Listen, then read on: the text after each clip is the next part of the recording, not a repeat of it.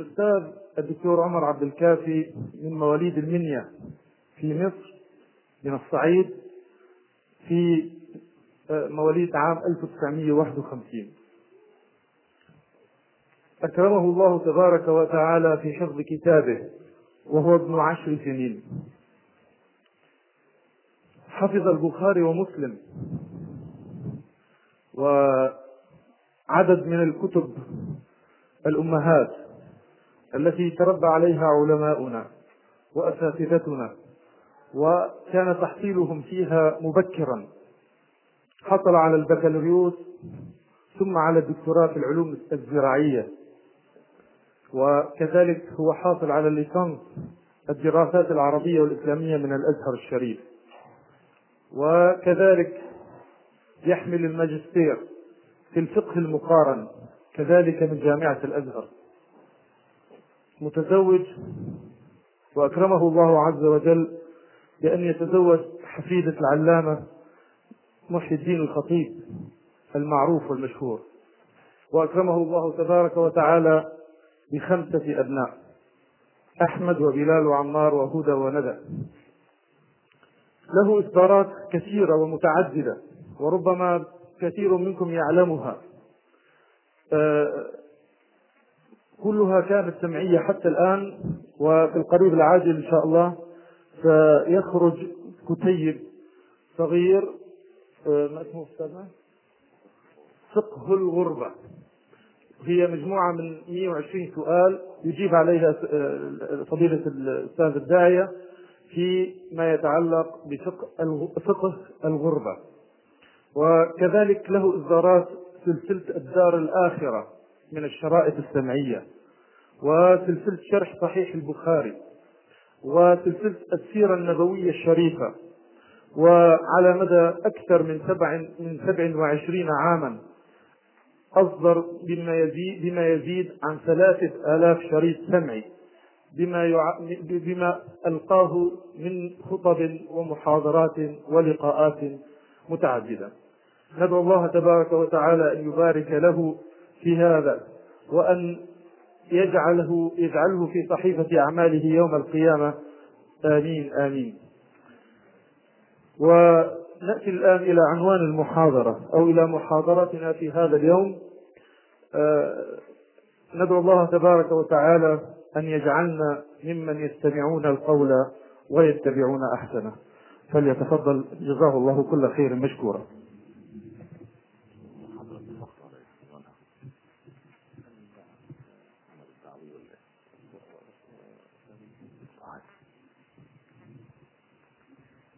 أحمد الله رب العالمين حمد عباده الشاكرين الذاكرين وأشهد أن لا إله إلا الله ولي الصالحين وأن سيدنا محمدا عبده ورسوله.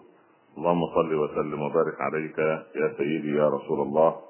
صلاة وسلاما دائمين متلازمين إلى يوم الدين. ثم أما بعد أحبتي في الله أحييكم تحية الإسلام. سلام الله عليكم ورحمته وبركاته. كلما جلس الإنسان بين إخوانه وأخواته في الله شعر أنه كثير فالمرء كثير بإخوانه. والإسلام بفضل الله عز وجل نشأ في جماعة. ونحمد الله جميعا على أن جعلنا من جماعة المسلمين. وندعو الله سبحانه وتعالى لنا معشر الحضور ولمن غاب عنا أن يطرد عن الجميع. شياطين الإنس والجن وأن يتقبلنا وإياكم في عباده الصالحين. وكان علماؤنا الأجلاء يعلموننا ونحن صغار نحبو على مدارج العلم وما زلنا صغارا نحبو أيضا. كانوا يعلموننا دعاء عظيما وجليلا ما فقهناه إلا بعد أن اقتربنا من بلوغ الحلم في فهم بعض أسرار العلم. كان هذا الدعاء يقول اللهم كن لي كما كنت لي حيث لم أكن. الماني ده عربي. اللهم كن لي كما كنت لي حيث لم أكن. يعني أنا كنت جنين في بطن أمي لا أملك علما ولا قوة ولا إدراكا ولا فهما ولا فقها ولا لغة ولا أي شيء. والله عز وجل عودنا الكرم دون أن نعطي فالله غني عن عطائنا بل العطاء من عنده. وقبل منا بفضله القليل على قدرنا فأعطانا الكثير من فضله على قدره. يرضى منا العمل القليل ولكن لا بد من إخلاص النية. ولذلك قال ربنا ليبلوكم أيكم أحسن عملا. ما قال لنا ليبلوكم أيكم أكثر أعمالا أو أفضل أعمالا أحسن عملا. يعني لو تخصص الإنسان في عمل يعني أيسر عمل تستطيع أن تقوم به في مجال الدعوة وهذا عنوان المحاضرة الدعوة إلى الله عز وجل وأساليبها وكيفيه التعامل مع العمل الدعوي. لو أمسكت لسانك عن أعراض المسلمين لشكر الله منك ذلك ونحن كمسلمين شكرنا منك ذلك. لأنه يبدو أن المسلم لا يستطيع أن يخوض إلا في عرض أخيه المسلم. والمسلم يحاول للأسف أو مدعي الإسلام يعني يحاول للأسف أن يبحث عن عيوب أخيه ويضعها كما نقول دائما تحت ميكروسكوب. وأنت أو أنا أو للأسف جميعنا إلا من رحم الله عز وجل. لو قلت لك إن فلانا رجل ذو خلق وذو دين ورجل موقف ونحسبه كذلك ورجل يعني لا ينساك عند الأزمات وكذا وكذا الحاضرون عندما يستمعون مني إلى مدح في فلان لن يعطونني إلا نصف أو ربع أذن. متى يعطيني المستمع أذنين كاملتين؟ عندما أقول ولكن رغم كل هذه المحاسن له أربعة عيوب. هنا تتفتح الاذهان والأذان. اي أسمعنا ما هذه العيوب؟ وكأن الناس قد برمجت أنفسها على يعني سلسلة البرمجيات أنهم لا يريدون إلا سماع السوء عندما يسمعون الخير عن إنسان يريدون أن يقذفونه بشر ما هو فيه مع أن المسلم ينظر إلى الناس نظرة عبد إلى عبد إنسان إلى إنسان. لكن كثيرا من الناس ينظرون إلى الناس كأرباب يحكمون بالحق الإلهي. بل على العكس كثير من الإخوة يوزعون الجنة والنار على الناس. وأنا لا أدري هل معهم مفاتيحها. أم معهم دواوينها أم معهم سجلاتها. هذا داخل الجنة وهذا سبحان الله. هذا من الجهل وعدم الإخلاص وعدم إخلاص النية. لكن أقول الدعاء الذي يقول اللهم كن لي كما كنت لي حيث لم أي أنني يا رب مهما اكون فأنا عبد ضعيف وأنت رب لطيف. أنا عبد جاهل وأنت العليم الخبير. أنا عبد يعني في هذه الحياة لا أساوي شيئا إلا بالإيمان. كان عمر يردد على لسانه رضي الله عنه ابن الخطاب ما عمر لولا الإسلام. أيضا نحن ما نحن لولا الإسلام. بالله عليك. ما نحن؟ من نحن؟ لا نقول. لا شيء لنا في هذا الكيان ولا في هذا الوجود ولا على هذه البسيطة. لا كيان لنا ولا اعتبار ولا ولا قيمة لنا إلا بديننا. وأن يرى الناس فينا نسخا مصحفية تتحرك على قدمين. لكن لن نصل إلى هذا المستوى إلا بعد أن نفهم أن الأمة هي أمة دعوة. نحن لسنا أمة خاصة. نحن لسنا من الذين يدعون أنهم أبناء الله وأحباؤه. نحن لسنا من الذين يدعون أن الجنة وقف عليهم.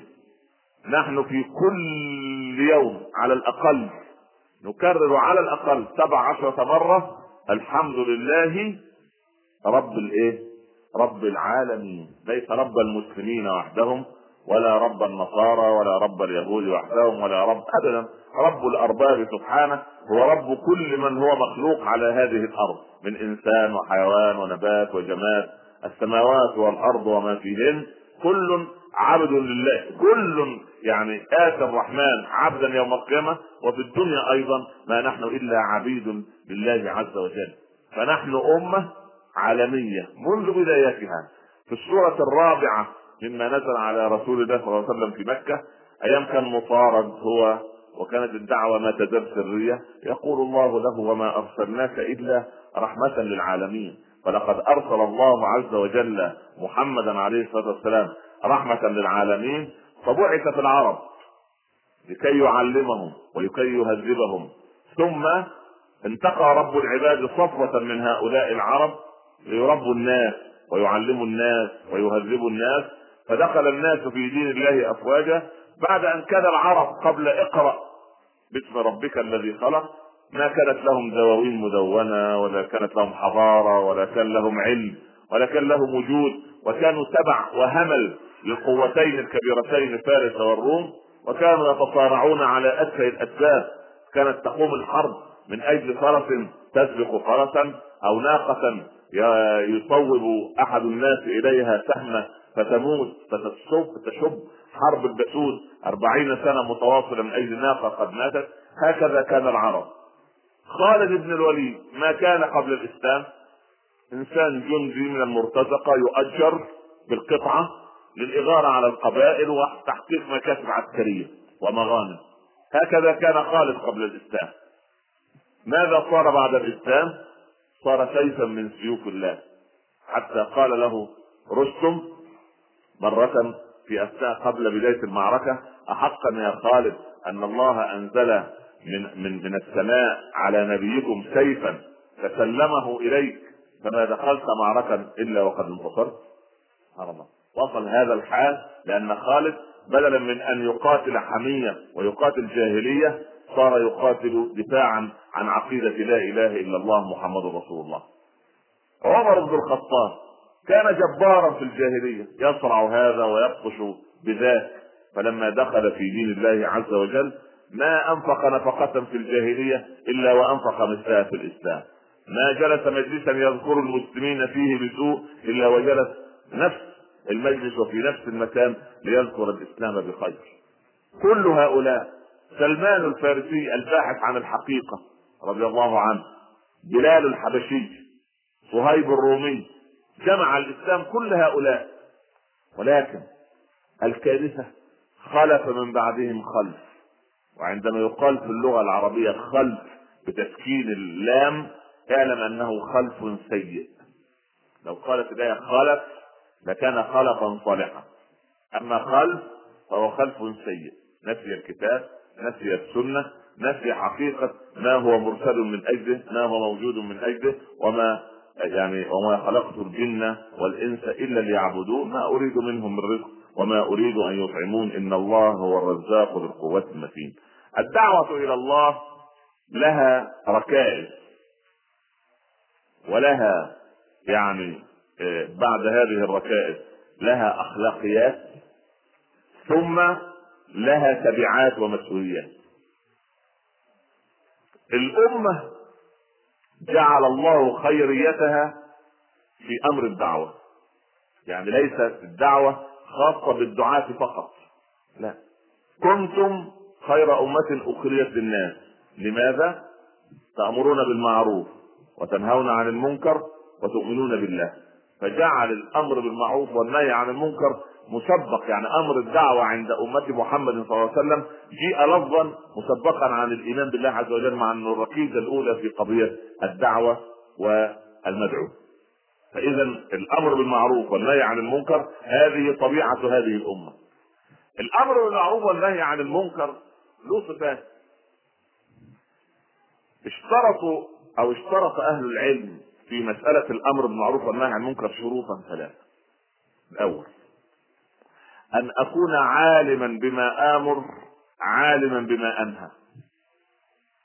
رفيقا فيما آمر رفيقا فيما أنهى. عاملا بما آمر وعاملا بما أنهى. الشروط الثلاثة الأساسية. أول شيء أن أكون عالما بما أمر به. يبدو أن الجنس العربي في الحقبة الأخيرة في القرن الأخير تعود على القهر في بلاده. هذا القهر يلجم فمه. وورثنا أهلنا في بلادنا بلاد المشرق العربي كل الهزائم التي حصلوا عليها. فعلمونا الجب. سر بجوار الحائط. أنت لم تفتح الكون.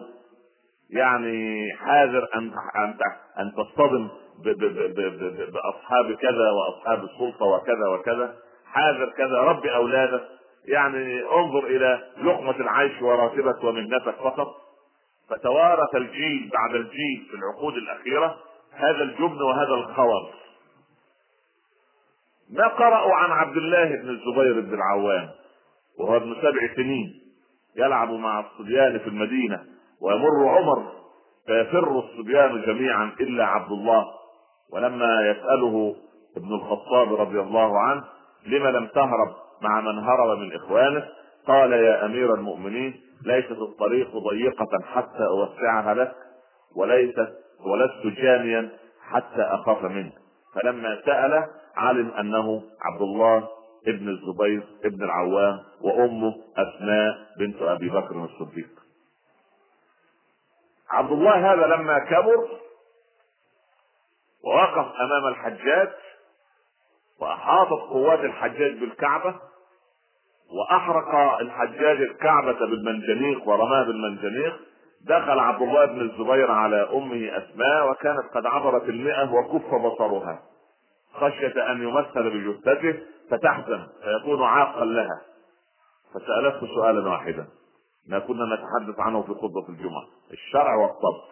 أأنت على الحق أم على الباطل؟ يعني أنت تحارب حمية؟ أم تقاتل دفاعا عن دين الله؟ قال أنا على الحق يا أمة. قالت سر إلى ما أمرك الله عز وجل. ثم نادت وقالت يا عبد الله تعال لألتزمك أحتضنك يعني. لعلها تكون آخر مرة أراك في الدنيا. فلما التزمته احتضنته رأت شيئا جامدا بينه وبينها على صدره. قالت ما هذا؟ قال هذا زرد الحديد يعني الدرقة والدرع الذي يلبسه لكي يتقي ضربات الإيه؟ ضربات السيوف. قالت ما هذا لباس يعني إنسان يريد الاستشهاد في سبيل الله؟ اخلع عنك هذا. يكن اخف لوجبتك ثم البس سراويل طويلة تحت ثيابك. ربما إن رزقت الشهادة لا تنكشف عورتك بعد موتك. هذه أم. هل هذه الأم تربت مع جيلنا الذي تعلم الجبن والخور؟ فلما جاء جيلنا الذي ورث هذه الهزائم إلى مجتمع الغرب اكتشف امرا عجيبا. اكتشف مجتمعا مفتوحا. مجتمع منفتح يقول كل واحد منهم ما يشاء. يعني ده حلول يعني. يعني تكشف زيف هذا كله لكن يعني اكتشف أنه يستطيع أن يتكلم. بحيث أنه إذا أخذ عنوه أو فجأة إلى مطار بلده؟ لأصابه البخل فجأة. لا يتكلم ويعني يسبح بحمد من يجلسون على على الكراسي. لكن لما جاء هنا وجد مساحة من الحرية بدأ لسانه في التحرك لكن يا ليته كان متحركا في الطريق السليم. بدأ يهاجم إخوانه. قلنا في البداية يعني ليست مشكلة إنسان مضغوط عليه سنوات طويلة في بلده. وجاء هنا ليفرج يستطيع أن يعني يقابل إنسان أوروبي فيشتمه أولا هو لا يجيد اللغة. ثاني أمر لا يستطيع أن يتهجم على إنسان من أصحاب البلد كما يقولون. فالحائط المائل أو القصير أو الصغير الذي يستطيع أن يتعداه هو عرض أخيه المسلم فيبتدي يهاجمه بدا بعد أن كان لا يصلي في بلده بدا يفتح كتابا. فاكتشف أن هناك شيء يسمى علم علم شرعي. فظن في نفسه أنه فجأة صار ابن تيمية. وفجأة صار عنده فقه أبي حنيفة وأصول الشافعي ورواية أحمد. فبالتالي لم لم تقف المسألة عند اتهام أخيه المصلي بجواره. لا. يعني أعور مع أعور ماشي. كفيف مع كفيف تعدي لكن بدأ في التهجم على أهل العلم وصار منظرا. هذا عالم يستمع إليه وهذا عالم لا يستمع إليه. هذا أشعري وهذا معتزلي. حديث الآحاد لا سبحان الله. وأقام حربا شعواء دون يعني سبحان الله. وبعد ذلك لما لم يعجبه الأمر في الآخر آه، صار يعني يمزق في عرض هذا ويخوض في عرض ذاك وصار يعني المسألة كما رأيناه في بداية السبعينات وأنا عصرت في بداية يعني عملي بالدعوة هؤلاء الغلمان الذين كان الواحد منهم سبحان الله العظيم يعني يضع نفسه موضع القاضي ويقول من أبو حنيفة؟ أبو حنيفة رجل أنا رجل. فأنا كنت أقول يعني أنا طبعا أبو حنيفة رجل هذه مقولة سليمة 100% حقيقة الأمر يعني. لكن يعني لا الأمر لا يحتاج إلى توقيع كشف طبي ولا غيره لكن يعني من منظر كده وطريقه الكلام لا تدل على رجولة لأنه ليس من الرجولة أن أحط من قدر الآخرين أو أن أرفع نفسي إلى من لا أستحق أن أوضع بجواره لأن أبا حنيفة لما سئل حماد أم ربيعة؟ اساتذته يعني. من أفضل في الفقه حماد أم ربيعة؟ قال لساني لا يرقى أن يذكرهما فكيف يفاضل بينهما؟ يعني أنا أقل مستوى من أن يذكر هذا بلسانه أو هذا. يعني الذكر فقط. فلا وكان أحمد بن حنبل من شدة الألم من شدة التعذيب سنوات على قضية خلق القرآن كان ينام متكئا على جنبه. فإذا ذكر الشافعي وهو أستاذه كان يعتدل في جلسته. سبحان الله. ما لك يا إمام؟ اللي تظل كمان؟ لا. أحترم ذكر الشافعي. وكان الشافعي أمام تلميذه أمام أستاذه مالك لا يشرب الماء حياء من مالك. وإذا أراد أن يصفح أو يقلب الورقة ليكتب عليها كان يقول كنت اصفحها صفحا رقيقا لكي لا أؤذي مسامع مالك. هل فينا من له هذا الفكر وهذا الاعتبار؟ وكلما رأيت متهجما على أهل العلم قلت لابد أن هذا في بيتي لا يحترم أباه لأن العالم أولى له من أبيه. لأن العالم يقيه نارا نار جهنم نار الآخرة. أبوه يحميه من نار الدنيا من الأمراض والأوجاع ومن العراء ومن كده ومن الجهل. هذه مهمة أبيه لكن مهمة العالم أخطر. ولقد كان يعني أهل العلم هم الذين يعني آوت إليهم الأمة على مر الزمن فكانت الأمة في أوج عظمتها. كان ولي الأمر فيها هو العالم الذي يتقي الله رب العالمين. الأخ أو الذي جاء إلى هذه البلد فشعر بمساحة الحرية تلك بدأ في تحطيم الصف الإسلامي. والكارثة العجيبة أن كل عشرة أو خمسة عشر شاب أو إنسان كده يشعرون أنهم على منهج واحد فيكونون جماعة. تقول امامه مثلا يعني. إن أبا بكر قد أخطأ في أنه سوى بين الاعطيات فكان يسوي بين من أسلم قبل الفتح وبين من أسلم بعد الفتح. المرتبات تتساوى عند أبي بكر. ولكن عمر كان يعترض على هذا الأمر. فيسكت المستمع نعم لقد أخطأ. وتقول له ولقد أخطأ عمر عندما عزل خالد بن الوليد أثناء المعركة. نعم يا أخي لقد أخطأ. ولكن يا أخي الأمير أو الرجل الذي يقود جماعتكم أخطأ بالأمس؟ لا أميرنا لا يخطئ. يعني أبو بكر أخطأ وسكت. وعمر اخطا وسكت لكن أميره سبحان الله يعني بالله عليك كما قال أحد الشعراء أعمى يقود بصيرا لا ابا لكم قد ضل من كانت العميان تهديه. تخيل واحد أعمى يأخذ بيد ومن ومن يجعل الغراب له دليلا يمر به على جية الكلاب. يعني الجايد مان أو المرشد بلاش كلمة مرشد لأن كلمة مش لطيفة. يعني الذي يرشده في الطريق ها؟ الذي يرشده في الطريق تخيل أنه أعمى أو تخيل أن غراب إلى أين يذهب به؟ هذا إلى البستان؟ لا ما هذا إلى البستان، الغراب لا يعرف طريق البستان. سبحان الله. فالقضية كل القضية سبحان الله العظيم أن الإنسان منا كلما كثر علمه كلما ظهر جهله ما يزال الرجل يتعلم ويتعلم فإن ظن أنه علم فقد بدأ يجهل. كان آه، البيروني يجهل قضية في قضية عروض الشعر ولا العلاقة له بالأدب. فسأله سائل سؤال في المجلس. فعاد إلى بيته وحبس نفسه وجاء بعالم يدرس له عروض الشعر كلها ولم يخرج إلى المجلس مرة أخرى إلا بعد أن اجاد علم العروض حتى يستطيع أن يجيب السائل. لم يقل له أنت جاهل؟ لماذا تسألني في هذا السؤال؟ يا أخي سبحان الله أنا أعرف هذا قبل يا أخي والله الحسن البصري وأنا أقرأ سيرته كان يقال عنه أنه يسمع الحديث من شاب. تنظر في وجه الحسن كأنه يسمعه لأول مرة. والحسن يحفظ هذا الحديث قبل أن يولد هذا الشاب. يعني قبل أن يولد هذا الشاب المتحدث وحسن يحفظ هذا الكلام. ولكن الكارثة أن الإنسان في قضية الأمر بالمعروف والنهي عن المنكر لا ندرك هذه المحددات. أن أكون عالما بما آمر. كان ابن مسعود يقول يسأل الواحد أو يسأل الواحد منكم في اليوم عشر فتاوى. عشر أسئلة يعني اليوم. ابن مسعود. سنة 36 هجري. سبحان الله. يسأل الواحد منكم عشرة أسئلة. لو سئل عمر بن الخطاب في واحدة منها لجمع لها أهل بدر.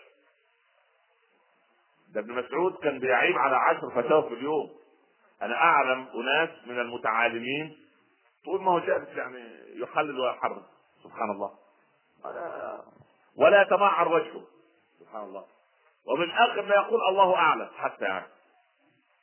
كان عمر بن الخطاب يغتاظ من كلمة الله أعلم. سأل رجل سأل رجلا سؤالا. عمر يعني. قال له سؤال يعني.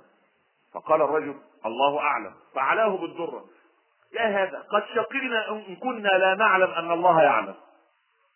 يعني تصير مصيبة إن كنا لا نعرف أن الله يعلم. سبحان الله. قضية الله نعم الله من قال الله أعلم فقد أفتى الرجل حمل أسئلة المصريين وذهب إلى مالك في دار الهجرة في المدينة 42 سؤال. أهل مصر جميعا أرسلوا لمالك 42 سؤال. أنت إذا فماذا صنع؟ أجاب عن ستة أسئلة. وقال في 36 الله أعلم. الرجل المصري عارف المصريين يعني إزاي يعني؟ كيف يعود يعني؟ قال ماذا أقول لأهل مصر؟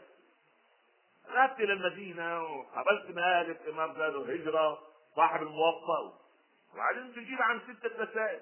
وتقول في ست وثلاثين الله أعلم؟ فضحك مالك وقال أقول الله أعلم وأدخل الجنة خير من أن أفتي بجهل وأدخل النار. يعني إلا تستفيد أنت. ما الفائدة التي تعود عليك في أن أدخل أنا النار. هكذا كان رضي كان رضي الله عنه. كان ابن ابن عباس يأتيه السائل. عندي سؤال يا ابن عباس. ابن عباس؟ ولكم أن تتخيل من ابن عباس؟ يقول أتسألني وفي المدينة عبد الله بن عمر؟ يذهب الرجل إلى ابن عمر. سؤال ابن عمر. يقول أتسألني وفي المدينة عبد الله بن مسعود. يذهب الرجل ابن مسعود. يقول له سؤال ابن مسعود. يقول له أتسألني وفي المدينة عبد الله بن الزبير العبادلة الأربعة. يذهب إلى ابن الزبير؟ ابن الزبير سؤال. ولا تسالني وفي المدينة عبد الله بن عباس.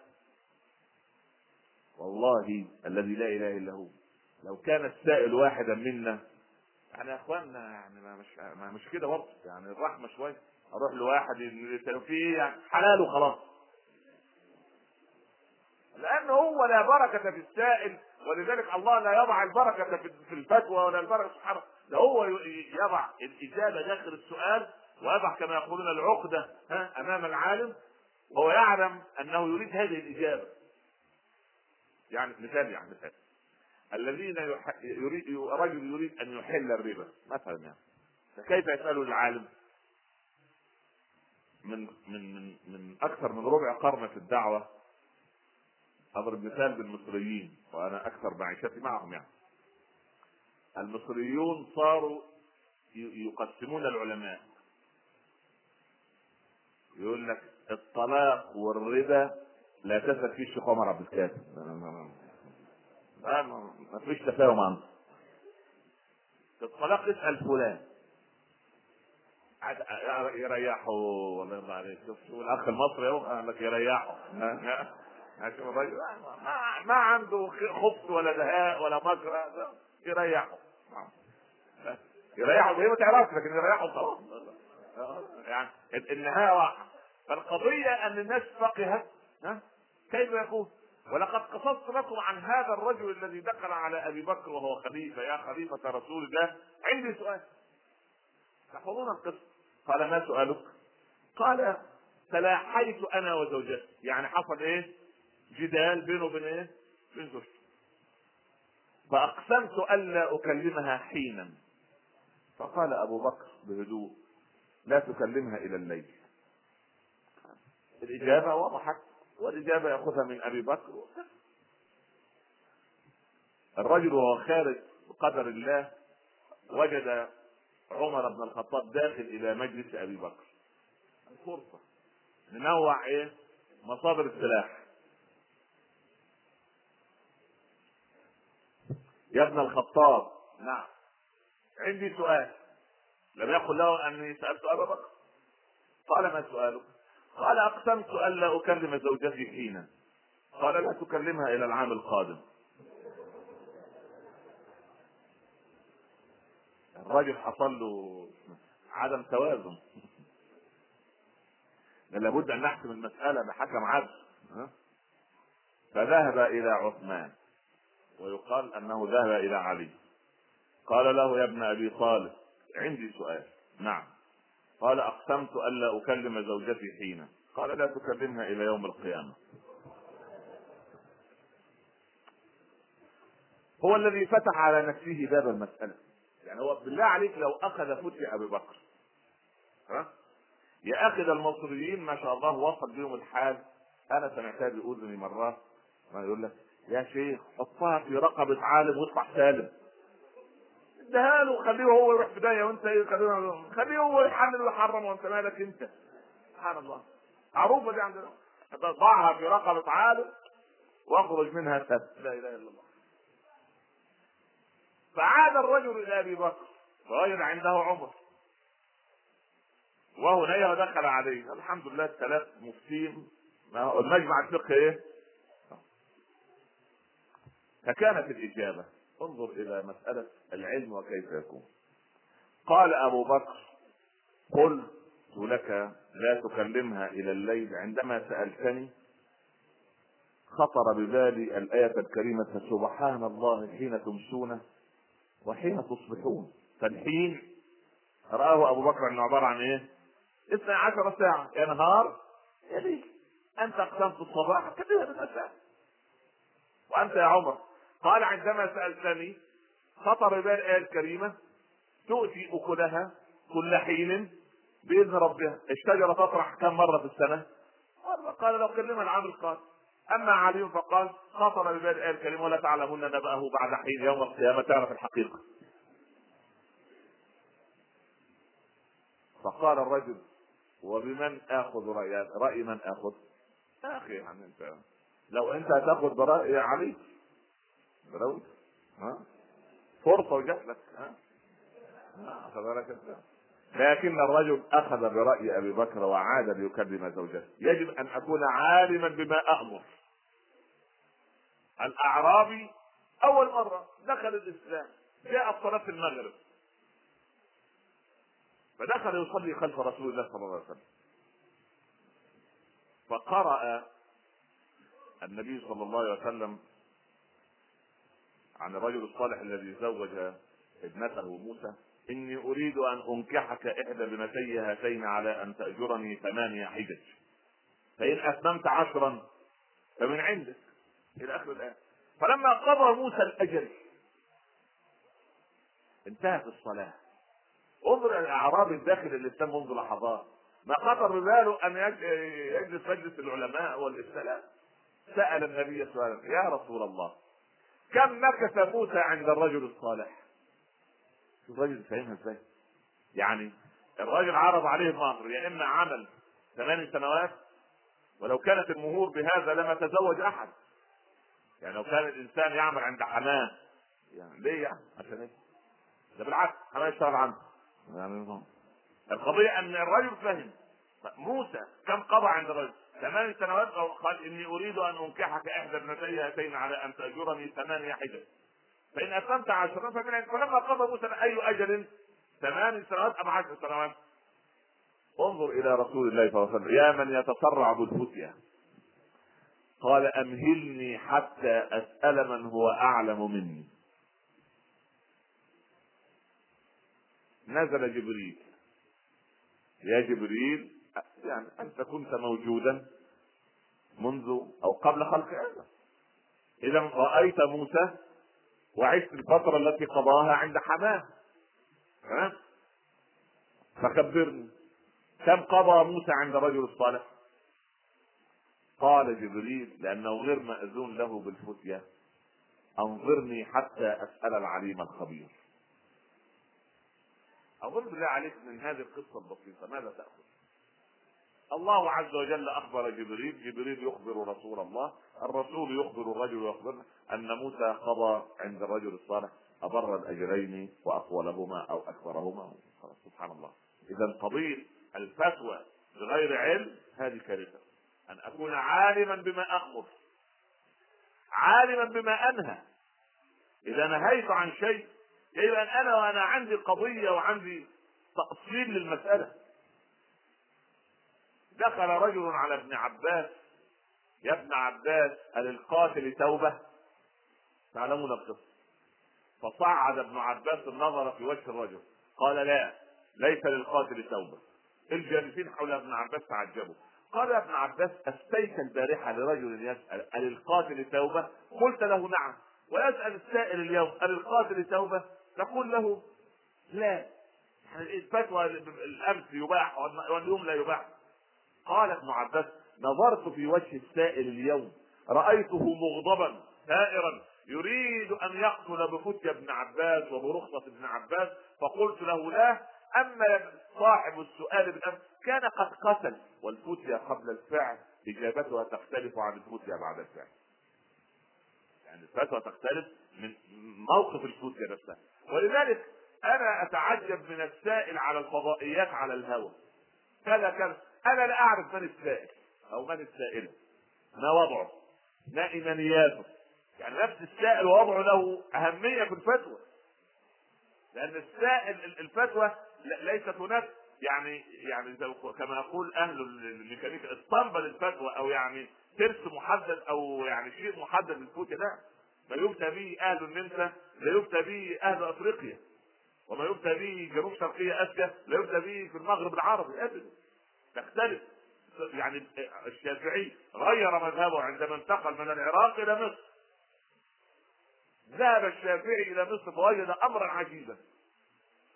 وجد أن الرجل البائع الجائل يبيع الخضروات كالجرجير والطماطم وغيرها ها فتخرج ربة الدار أو صاحب البيت لتعطي الرجل رغيفا أو رغيفين فيعطيها حزمتين أو بعضا من الطماطم. تعجب الشافعي لهذا الشيء من الشراء. فاضطر أن يغير مذهبه. يعني إذا القضية تختلف بتغير المكان والزمان والأحوال والأشخاص وهذه قاعدة في في قضية الفقه. فيجب أن من يتصدر الفتية يجب أن يكون عالما بواقع بواقع من يسأل. أذكر مرة منذ سنوات ثلاث على إحدى الفضائيات تسالني سائل هل يا مولانا التهرب من الضرائب حلال؟ أم حرام؟ لا كنت على الهوى.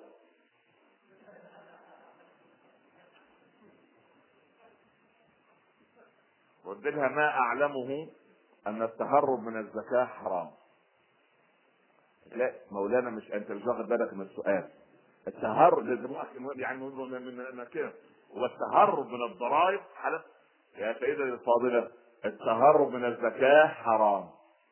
فالمذيع المقدم ربنا يكرمه. أنا يا ست ما قال بقى افهمي لا إله إلا الله. الله مش معقول. يعني الله واضح الأمر. التهرب الزكاة حرام. خلاص. وصلت. ويعني سبحان الله. يعني اللبيب بالإشارة يفهم إلا بدي فالقضية إن هو ابن عباس يبتدي يزحزح القضية بعيد عنه. فتروح تلف للعبادلة الأربعة وتعود إليه. فلما تعود إليه يشعر ابن عباس بمسؤولية الفتن له ما سؤالك؟ له سؤالي كذا. اعلم أن السائل الذي يمر على أربعة علماء وكل عالم يسلمه لآخر. فيعود السائل إلى إلى ابن عباس المستفتى الأول. هذا السائل حريص على سؤاله. فيقول له ابن عباس ما سؤالك؟ يقول سؤالي كذا. يقول له مر علي غدا إن شاء الله. يمر في اليوم الثالث. يقول نعم. يقول له السؤال يقول ما سؤالك؟ يسأله مرة ثانية. مر علي غدا إن شاء الله. ثلاثة أو أربعة أيام. كل يوم السؤال يتغير بصيغة. فيقول ابن عباس له يا هذا. أجيبك عن سؤالك في اليوم الأول؟ أم عن سؤالك في اليوم الثاني؟ أم عن سؤالك في اليوم الثالث؟ أتريدون أن تجعلون جسرا تعبرون به إلى الجنة ونسقط نحن في قعر جهنم؟ هي دي نهاية خدمة العالم اللي قاعد يكفيكم ويا سبحان الله العظيم. يا أخي الأعرابي الذي ما دخل الإسلام منذ لحظات وقال له إن من أركان الإسلام الحج وهذا موسمه.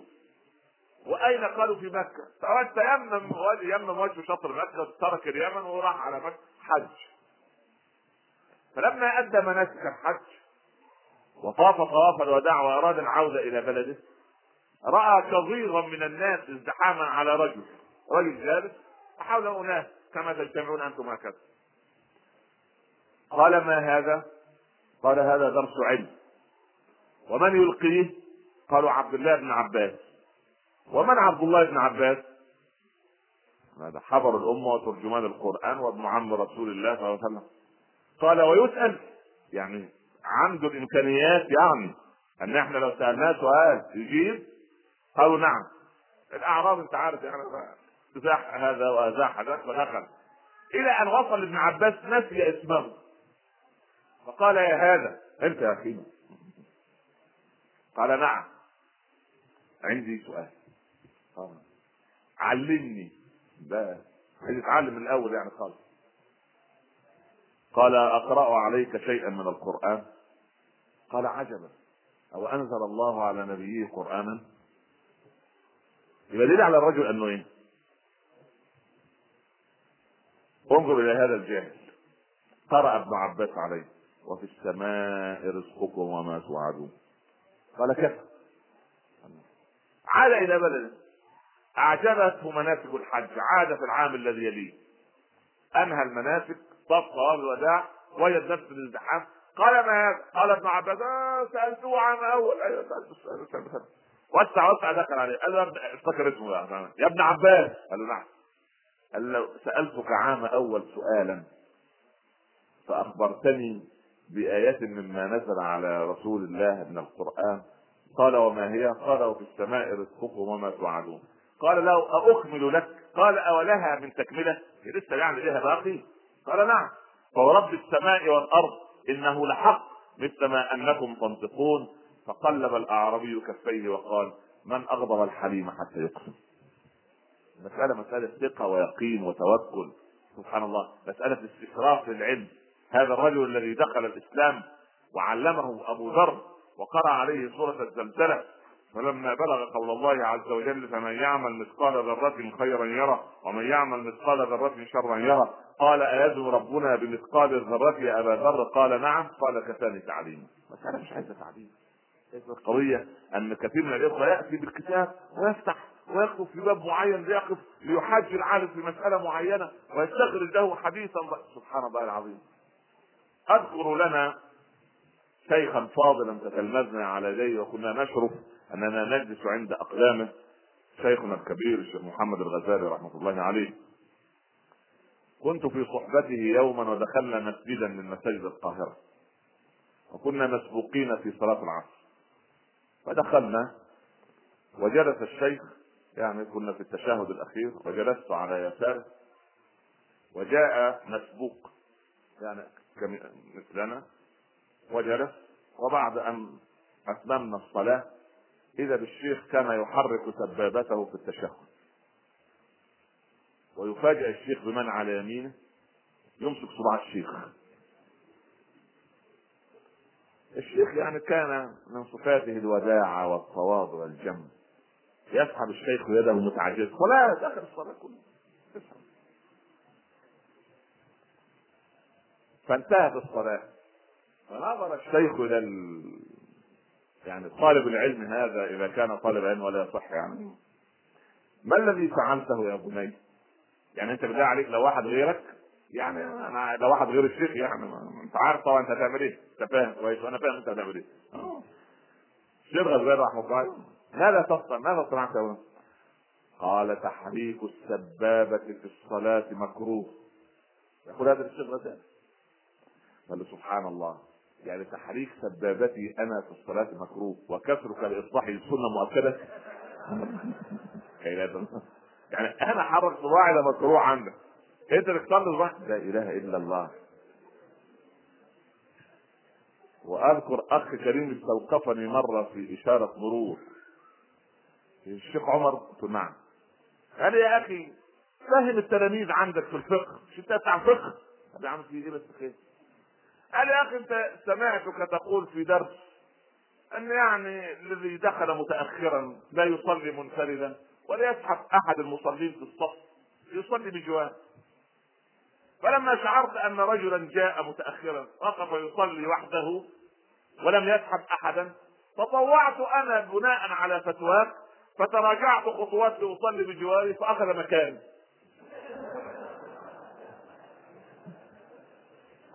قلت يا أخي وضع الرجل يعني ما إيه المشكلة يعني. أنت هو ظنك يعني إنك بتتواضع وتقدمه كرجل كبارة ها؟ هذا من الجهل. هذا هو الجهل الذي الجهل المركب. كما قال علي فيما تحفظون إنما الرجال أربعة. رجل يدري ويدري أنه يدري ورجل يدري ولا يدري أنه يدري ورجل لا يدري ويدري أنه لا يدري ورجل لا يدري ولا يدري أنه لا يدري. واضحه طبعا. خالص رجل يدري ويدري أنه يدري قال علي هذا عالم فصاحبوه تعلموا منه. يعني يدري عالم ويعلم أنه عالم عارف المحددات بتاعه عارف الأصول والقواعد وأين يفتي ومتى يتكلم ومتى يصمت إذا تكلم تكلم بعلم وإذا سكت سكت بعلم. هذا عالم. عنه يدري ويدري أنه يدري. رجل يدري ولا يدري أنه رجل من تواضعه. يعلم. ولكن ليس عنده المقدرة أن يبلغ الناس أو أن يقول للناس أو أن آه، يفتي أو فهذا صالح فصادقوه. ورجل لا يدري جاهل. ويدري أنه لا يدري لكنه مقر بجهله. هذا جاهل فعلموه. يعني إنسان عارف محددات يقول لك علمني علمني. ورجل لا يدري ولا يدري أنه لا جاهل ويجهل أنه جاهل. وهذا هو الجهل المركب. وهذا جل من يفتي بغير علم. يعني تحفظون قصة أبي حنيفة وقد أصابه مرض الروماتويد أو الروماتيزم في ركبته. وكان يستأذن المريدين في أن يمد رجله في المجلس. لأولادي بعد إذنكم أمد رجلي. مد يا أبا حنيفة خذ راحتك. فبعد أيام دخل إلى مجلس أبي حنيفة رجل عليه سمات العلماء. ويجلس في أول صف. أبو حنيفة يحرج ويضم رجله في الدرس ويقول لا أمد رجلي في وجه عالم من العلماء. ويتألم أبو حنيفة طوال الدرس من أن يضم رجله يعني كل ألم. وبعد أيام يقول أبو حنيفة لا تصلي صلاة بعد صلاة الصبح إلى أن تشرق الشمس. فإذا بمن يأخذ سمات العلماء هذا يسأل أبا حنيفة. يا أبا حنيفة قال نعم قال فما بالك لو أشرقت الشمس قبل الفجر؟ قال أبو حنيفة ليمدن أبو حنيفة كلتا رجلي سبحان الله. يا أخي حابس دمي وأظنك عالم ولم رجلي وعلم تكلموا وتعرفوا. فالمرء مخبوء تحت لسانه. فالإنسان المسلم من الواجب إذا أمر يجب أن يكون عالما بما يأمر. إذا نهى يكون عالما بما ينهى. هذا هو الشرط الأول. الشرط الثاني أن يكون رفيقا فيما يأمر. أعظم ما وصف به رسول الله صلى الله عليه وسلم. بعد وانك لعلى خلق عظيم. قال له ربه فبما رحمة من الله لنت له ولو كنت فظا غليظ القلب لانفضوا من حولك. أتدري ماذا قال علي؟ في الذين خرجوا عليه وقاتلوه ماذا قال فيه؟ هل قال هؤلاء كفار هل قال هؤلاء خارجين من الملة؟ قال إخواننا بغوا علينا. من الكفر قد فروا. لا نبدأهم بقتال وإن قاتلونا لا نجهز على جريحهم ولا تسفى ذراريهم ولا تؤخذ أموالهم غنيمة. هذا مع من حارب من؟ أمير المؤمنين يعني حارب الخليفة. خرج على طوع الدولة.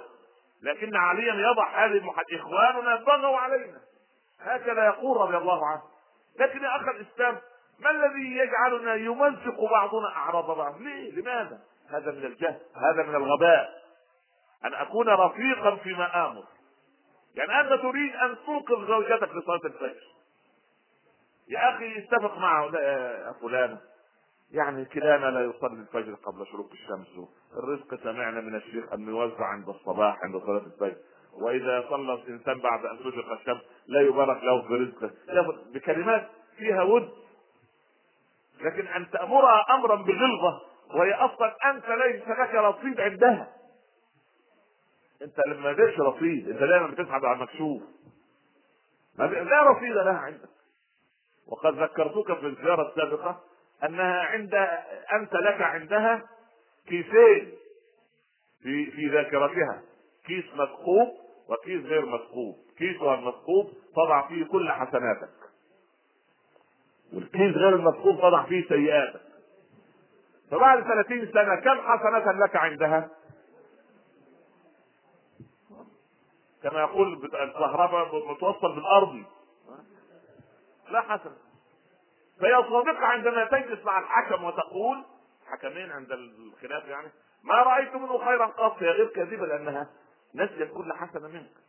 وأحيانا بعض الرجال يصنعون هكذا أيضا. فالقضية أنت إذا أردت أن تأمرها بشيء كن رفيقا فيما تأمر. أخي الرجل رأى رؤية وذهب لابن سيرين ليفسرها قابله أحد المتعالمين في الطريق إلى أين؟ قال إلى ابن سيرين أنا رأيت رؤيا؟ لا أحد يذهب ابن سيرين الا في رؤيا. قال له نعم. قال خبرني بها. قال رأيت أن أسناني قد وقعت كلها. أوه قال تموت أنت وأهلك. الرجل خاف. وواصل المسيرة لابن سيرين. يا ابن سيرين. قال نعم. قال رأيت أن أسناني قد وقعت كلها. قال ابن سيرين تكون آخر أهلك موتا.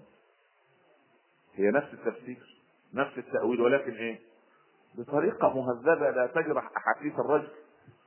أقول له يموت لكن يعني اداله شيء من العمر. يا أخي أنا أسألك سؤال بالله عليك. لو قيل لنا الآن دخل علينا فجأة ملك الموت وصفك. هيا يا قوم. بلاش تصفيق احسن حد يعاني عليها يقول لك الشيخ يصفق تصفيق للنساء. يعني ما قاعدين ميكروسكوب ما شاء الله. يعني عاملين زي لاعب السيرك الذي يسير على حد. لو أن ملك الموت نادى على الباب الآن ليخرج لي من هو جاهز من يخرج منا؟ والعجيب أن ملك الموت لم يأتي لم يطرق الباب ولم يصفق ولم يصفر وإنما فجأة يأخذ. القضية العجيبة أنه كما قال عمر بن عبد العزيز نتعامل على الموت كأنه على غيرنا قد كتب فلان مات آه كبير السن. فلان مات أصل كان مريض. فلان مات أصل السيارة دهسته. طب الطفل الذي مات؟ يقول يا ده خطف. خطف؟ من الذي خطفه؟ ملك الموت لا يعرف الخطف. أنت تعرف الخطف ملك الموت لا يعرفه. سبحان الله. هذه العجائب التي في حياتنا. يعني الله عز وجل قدم الموت في الذكر على الحياة. خلق الموت والحياة ليبلوكم أيكم أحسن عملا. لكن ما جهز منا أحد النفس سبحان الله. أن تكون رفيقا فيما تأمر. رفيقا فيما تنهى. الإنسان رحيم. الأعرابي الذي دخل إلى مسجد رسول الله صلى الله عليه وسلم. ورآه لا يختلف عن الشارع حصى ورمل في الشارع وحصى ورمل في مسجد رسول الله. لا موكيت فاخر ولا سجاد يعني ما شاء الله مزين كده. والعجيب يا أخي أن هذا السجاد المزخرف يشغل الإنسان منا في الصلاة. وأبو حنيفة يكره أن يصلي الإنسان على ثوب فيه نقوش مثل هذه. أنا أعرف أن أحد المصلين قال الحمد لله الشيخ قال الصلاة في مسجد البدايه مكروهة. لأن يا أخي بقول لك أن يعني كامل الواجب يعني انت يعني من جيبك وتاتي بسجاد يعني ليس فيه ألوان ولا حتى السجاير التي نصلي عليها صنع في الصين. والطاقية التي نلبسها صنع. والله لو قلنا لكل شيء عندنا. عد من المكان الذي جئت منه لما امتلكنا إلا جلودنا وأشك أن جلدنا نملكه لم يكن مرهوب للبنك الدولي. سبحان الله. هذه كارثه يا أخي والله. فأبو حنيفة لماذا يقول هذا الكلام؟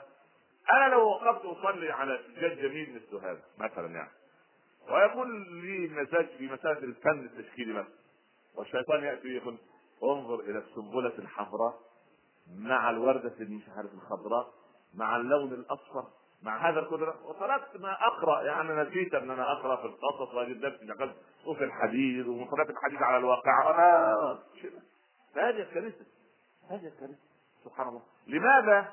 نبهتنا السنة الا أصلي وأنا حابس. لا تصلي وأن لا صلاة لحابس. لا صلاة لحاقن لا صلاة لصافد لا صلاة لجوعان. لماذا كل هذا؟ لا صلاة لحابس حابس البول. يصلي وهو متألم. لحاقن ويحكم يحبس الغائط. لا صلاة لصافد وهو يضم رجليه. لكن في الجيش يقولون استرح فتوسع رجليك. هذا هو وضع الصلاة. أن تضع رجليك بسعة أكتافك ولا صلاة وأنت وأنت جوعان. كل الأول والحمد لله رب العالمين لا مسلم في العالم من المليار و300 مليون لا يحفظ الحديث إذا جاء العشاء والعشاء فقدموا العشاء واخروا العشاء. كل يحفظ هذا الحديث. إذا كان حديثا يعني. سبحان الله. يعني سبحان الله. يقول لك يا أستاذ الشيخ ما شاء الله. يمسح يعني يجعل الطبق يعني حصيدا كان لم يأخذ يقول لك مولانا الطبق يستغفر للاعقه وفين ثلث طعامه وثلث يقول لك يا راجل أكل حلال كل. يريد أن يزين نفسه كل شيء لازم يضع لها. سبحان الله. فالعجب كل العجب أنك إذا أردت أن تمر أن تكون رفيقا فدخل الرجل إلى اسرع الصحابه ليمنعوه من فعل هذا فمنعهم النبي صلى الله عليه وسلم. وترك حتى الرجل حتى انتهى الرجل النار ثم اقترب منه النبي صلى الله عليه وسلم. وقال يا هذا هذا مكان لا يصلح لما صنعت انظر إلى الألفاظ. هذا مكان لا يصلح لما صنعت هذا مكان للصلاة والعبادة. الرجل نظر. فرأى رحمة الأستاذ وقسوة التلاميذ. رأى رقة وحنان الأستاذ وفظاظة التلاميذ في الأمر والنهي. فرفع يديه إلى السماء. فقال اللهم ارحمني ومحمدا ولا ترحم أحدا من بعدنا. سبحان الله. يعني أنا وهذا الرجل حنون فقط. أما هؤلاء فلا يستحقوا الرحمه فضحك النبي صلى الله عليه وسلم وقال حجرت واسعا. قل اللهم ارحمنا فإنك بنا رحم. هكذا كان صلى الله عليه وسلم. لو كنت فظا غليظ القلب لانفضوا من حولك. سبحان الله. يا أخي المستمع إلى نصيحتك أحد اثنين. إن كان محبا لك أخذ الكلام على إنه نصيحة فتقبلها. وإن كان غير محب لك يأخذ الكلام على إنه نقد فلا يستمع إلى النصيحة. هل رأيت رجلا في المجتمع الشرقي يسمع كلام زوجته؟ حتى وصل المثل الشعبي بينهم شاوروهن وخالفوهن طب يا أخي دام ناوي المخالفة من الأول فعلامة المشاورة. لكن لو أخذت أن هذه إنسانة صنو لك وتكملة لك ورب العباد ما قال لك أنا خلقت لك جنسا آخر. كلا. اخر الإسلام نحن كرجال ودي نقطة مهمة. رجال مخلوقين من من تراب وماء وصرنا في البداية طينا ثم خلقنا من سلالة من أمين كرجل. المرأة خلقت من آدم أي خلقت من جسم حي. فعندها مسألة الحساسية مرهفة كلمة ترضيها وكلمة تغضبها فعاملها على هذه الرقة. أما أن تعاملها على أنها يعني العقل كما أنت لا. ليس معنى هذا أنها غير عاقلة لا. القضية أن سبحان الله العظيم قلت لك من قبل عن هذا المعهد الذي يعمل دراسة عالمية وجاء إلى مصر في سنة الثمانينات وقابل سبعة من العلماء. هذا المعهد يسأل سؤالا واحدا معهد فريد بيعمل دراسة على كم تفهم الزوجة زوجها وكم يفهم الزوج زوجته. راحوا اليابان والصين وطافوا في أوروبا وذهبوا إلى جنوب أفريقيا ثم ذهبوا إلى الشرق الأوسط وانتهت المسيرة إلى مصر. وجاءوا إلى مقابلتي في البيت. خيرا طبعا عملنا إحصائية عالمية. سؤال فكم تفهم الزوجة زوجها؟ نسبة يعني مئويه وكم يفهم الزوج زوجته فتباينت النسب. طب خبرونا عن النسب طمنونا. وجدنا أن المرأة اليابانية هي أكثر الناس فهما لزوجها في العالم يعني أنها تفهم زوجها بنسبة تقريبا 87% وزوجها يفهمها بنسبة 80 إلى 81% المرأة الفرنسية تفهم زوجها بمقدار 69% وهو يفهمها بمقدار 65% نسب متقاربة يعني. المهم ما لا عليك بالنسبة تعالى إلى النسبة العجيبة. طيب عملتوا يعني بحث في مصر آه الحمد لله رب العالمين. خير إن شاء الله. أنا مش خير يعني خالص. خير فيه وجدنا أن المرأة المصرية تفهم زوجها 99% كنسبة الانتخابات كمان. سبحان الله اسمع الأعجب اسمع الأعجب. وجدوا أن الزوج المصري يفهم زوجته بماينس ثلاثة. وليس هناك بحث علمي تنزل عن الإحداث الذي تعمل منه الرسم البياني يعني الرسم البياني يبدأ من إيه؟ من الصفر. هو لسه لم يصل إلى الصفر بعد. هو مش لابس إيه وعامل ان هو إيه؟ يا خبر أبيض. هو عامل بقى ان هو قياس ذكاء. ها؟ وأبو جعفر المنصور نباهة. وعبد الملك بن مروان يعني بلاغة. ها؟ والفرزدق شعرا لكن سبحان الله العظيم الكارثة ليست فالكارثة أن أن أنت أنت وأنت تتعامل يجب أن ترفق بما تأمر وتنهى. فإذا نصحت بحب أخذ الطرف الآخر منك النصيحة على أنها نصيحة. ولذلك الكثير من الناس يريد أن ينصح على الملأ. لا. أنت إن أردت أن تنصح أخاك فانصحه بينك وبينه. كان النبي صلى الله عليه وسلم يكني وكلنا احمد ما بال أقوام يصنعون كذا وكذا؟ ما بال أقوام يفهمون كذا وكذا؟ سبحان الله. لكن ان ان أن يعرض أو يعني أن يصرح الإنسان بالطعن في إنسان آخر ليس هذا من المنطق بمكان. النصيحة على الملأ فضيحة. إذا أردت أن تنصح فقل أخاك وكلمه يعني به وقل له كما قال إبراهيم لأبيه. ماذا قدم أو كيف قدم إبراهيم عليه السلام النصيحة لأبيه؟ هل قال له أنا عالم وأنت جاهل؟ أنا نبي مرسل خليل لله وأنت كافر إن مت على هذا دخلت النار؟ لا. يا أبت إني قد جاءني من العلم ما لم يأتك. فاتبعني أهدك صراطا سويا. يعني أنا عندي من العلم جزء لم يأتي إليك أنت. لكن المصيبة أن كل واحد منا لا لا لا لا, لا. هذا لا يسمع إليه هذا لا يسمع هذا سبحان الله العظيم. أن أكون ما زلت أكرر عالما بما آمر عالما بما أنهى رفيقا فيما آمر رفيقا فيما أنهى عاملا بما آمر يا أخي. يعني يجب أن أعمل بما آمر على قدر وأنا على عهدك ووعدك. ما استطاع أستطيع أن أطبق هذا. هذا هو المحور الأول في محور الأمة الداعية. نحن أمة داعية إلى الله هذا محورها الأول. فاضل عشر محاور. كل محور ياخد الوقت ده ينفع؟ خبيته أنت ده محور واحد لما اتبغيت معاه طيب يا ينفع الله يرضى عليك. المحور الثاني هو أن الأنا عند كل واحد منا عالية. اللي هو محور الذات. محور الذات. عمر بن الخطاب يراه عبد الله ابن ابنه مرة وهو يحمل حزمة الحطب. ما هذا يا أمير المؤمنين؟ قال أرادت نفس أبيك أن تستشرف فأراد أن يضع من قدرها سبحان الله. عايز يحط من قدره أمام نفسه فشعر أن هو أمير المؤمنين ليس فوقه أحد إلا الله فأراد أن يهذب من نفسه فحمل حزمة الخطر سبحان الله.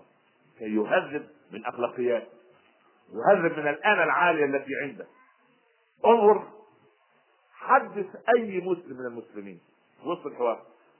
وعد له كلمة أنا. وسط الحوار. لو نصف ساعة. تجد أنه قال أنا سبعين مرة.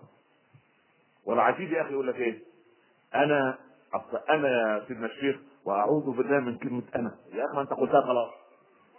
أنت قلتها مرتين. يعني إيه ما الذي أتى بسيرة أنا أصلا؟ أصل أنا وأعوذ بالله من كلمة أعوذ يا رجل. يا رجل. سبحان الله. فالأنا عندنا عالية. مرتفعة. أنا وبعدي خلاص أنا وليس أحد. سبحان الله. هذا هو غمط الحق وبطر الناس. هذا هو الذي ينكر على الناس ما يقولون ولا ولا يحقق إلا ما يقوله هو. يا أخي اسمع إلى الآخر. نحن مكلفين أن نسمع إلى غير المسلم.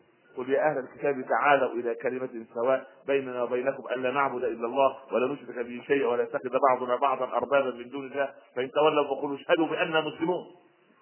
الحوار في القرآن عجيب. حاور الله عز وجل شر خلقه. إبليس. أنظرني وابعثوني انك من المنظرين لاغوينهم أجمعين. إن عبادي ليس هذا حوار يا أخي. وأنت لا لا لا, لا أحاور فلان. لماذا يا أخي؟ وأنت يجب أن تنتهي عن الانا تجعلك تجادل. والجدال لا يكون إلا بين عالم وعالم بحجة وليس على مرمى ومرأى ومسمع من الناس.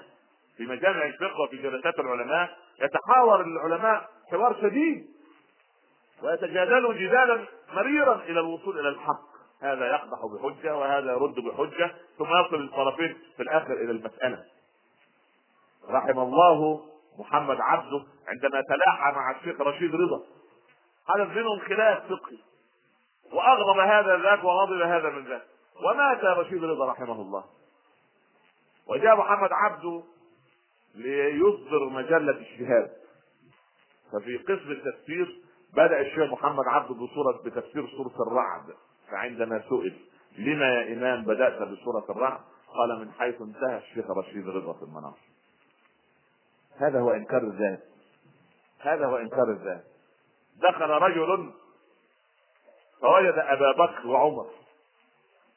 فسأل سؤالا استاء عمر من السؤال وعلم أن في أبي بكر حياء لا يستطيع أن يرد فرد على الرجل. قال الرجل السائل أنت الخليفة أم هو؟ بالله عليك لو أي حاكم واحد يجلس بجواره وسأل هو مين الرئيس فيكم؟ ماذا تكون الإجابة؟ قال أبو بكر انظر لا, لا ماذا قال أبو بكر؟ مش قال أبو بكر. هو إن شاء. انظر إليه. هو عمر بن الخطاب. إن شاء أن يكون خليفة. يكون خليفة. هذه القضية هو إن شاء. فالآن ليست عالية. في طريقهما إلى سقيف سقيف بني ساعدة. يقول أبو بكر مد يدك يا عمر لأبايعك. قال يا أبا بكر ما رأيت لك فهما. خطأ يعني غلطة. منذ أن دخلت الإسلام إلا هذه. يعني اعتبر عمر أبو بكر أنه مخطئ عندما بايعه خليفة. كان عمر ينتظر به ولا واحد غير عمر بن الخطاب. أيوه طبعا أنا أهل له. أمال مين يعني؟ من يكون غير أنا غير أنا. فقال كيف يا خليفة يا أبا بكر؟ أنت أفضل مني. فقال أبو بكر ولكنك أقوى مني. فيقول عمر ولكن قوتي بفضلك. هذه الأنا المحدودة. إنكار الأنا إنكار الذات.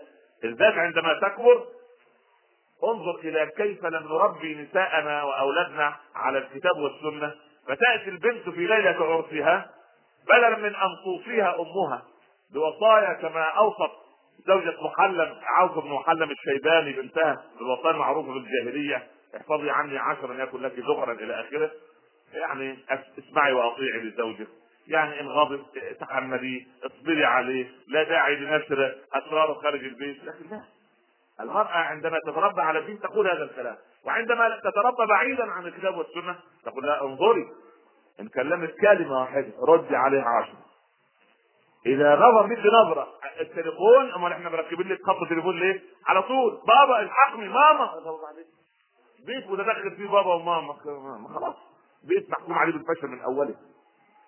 لكن هل جاءت الأم أم الزوج نفسها يوم عرس ابنها وقالت له يا ابني لا أريد أن أسمع أسرارا عنك وعن زوجتك.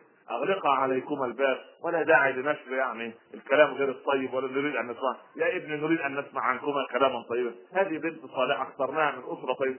بالله عليك إذا تذكر كلام امه هذا.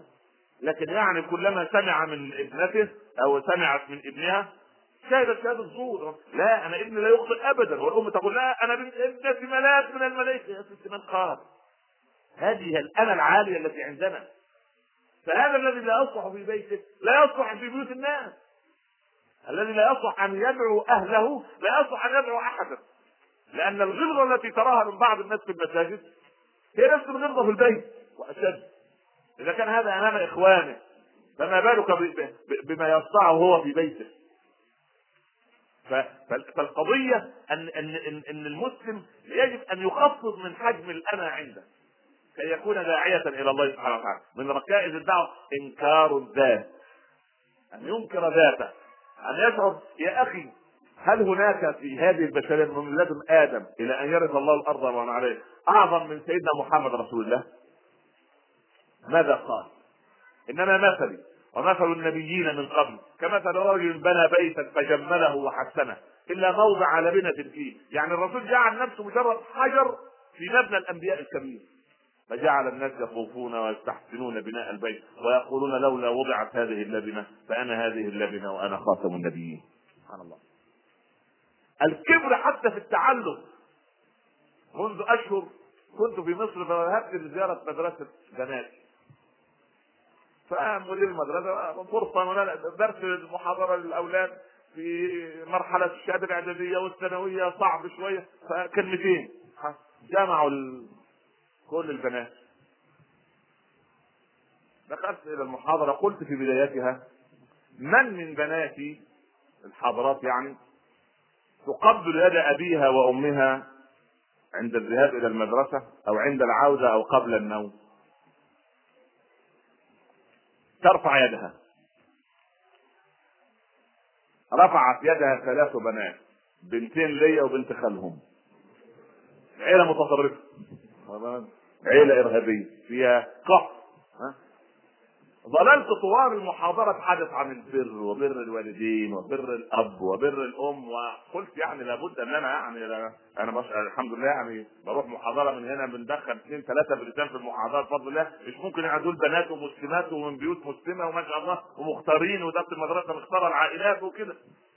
فأنهي نهاية المحاضرة بس. إيه من تعدوني منكن أن تقبل يد أبيها وأمها عند الصباح عند المساء. الحصيلة سبعة من ألف. لا حول ولا قوة إلا الكبر حتى عند البنت وهي صغيرة. بالله عليك. هذا التمرد. قلت لهن هذا التمرد بعد خمس سنوات أو عندما تصير زوجة. هل تسمع هذا لزوجها؟ هذه لزوجها؟ هل تسمع كلاما لكبير؟ هل تسمع كلاما لعالم أو حكم؟ كارثة كارثة كبيرة يا أخي. يعني القضية من الصغر. القضية لأن الأب يشحن والأم تشحن. لا تسمعي كلام أحد. لا تسمع كلام أحد. سبحان الله. لماذا يا أخي؟ يا أخي الإنسان سبحان الله العظيم الحكمة ضلت المؤمن فأينما وجدها فهو أحق الناس بها نتعلم من هذا ومن ذاك نتعلم حتى من الطفل يا أخي إبراهيم ابن آدم رضي الله عالم المسلمين الكبير تعلم التدلل والوقوف على باب الله من طفل صغير. قالوا كيف يا إمام؟ أنا إذا صديقي للمسجد رأيت بابا يفتح وطفل يدفع تدفع به امه خارج البيت وتغلق الباب. الولد اغضب أمه. فأمه طردته من البيت وأغلقت الباب. جاء الولد على عتبة الدار باكيا متضرعا إلى أمه أن تقبله.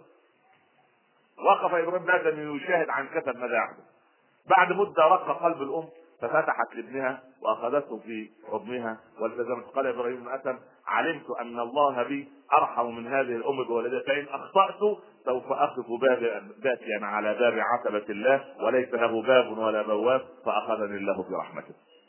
الحكمه ظلت المؤمن. حكمة ظلت المؤمن سبحان الله. يأخذ أينما وجدته أي يشعر أن هذه مثلا يا أخي الأطفال في المدينة يلعبوا في الشارع يلعبون. يقول ويمر عمر بن الخطاب أمين. يقول الولد أبكي لكم أمير المؤمنين؟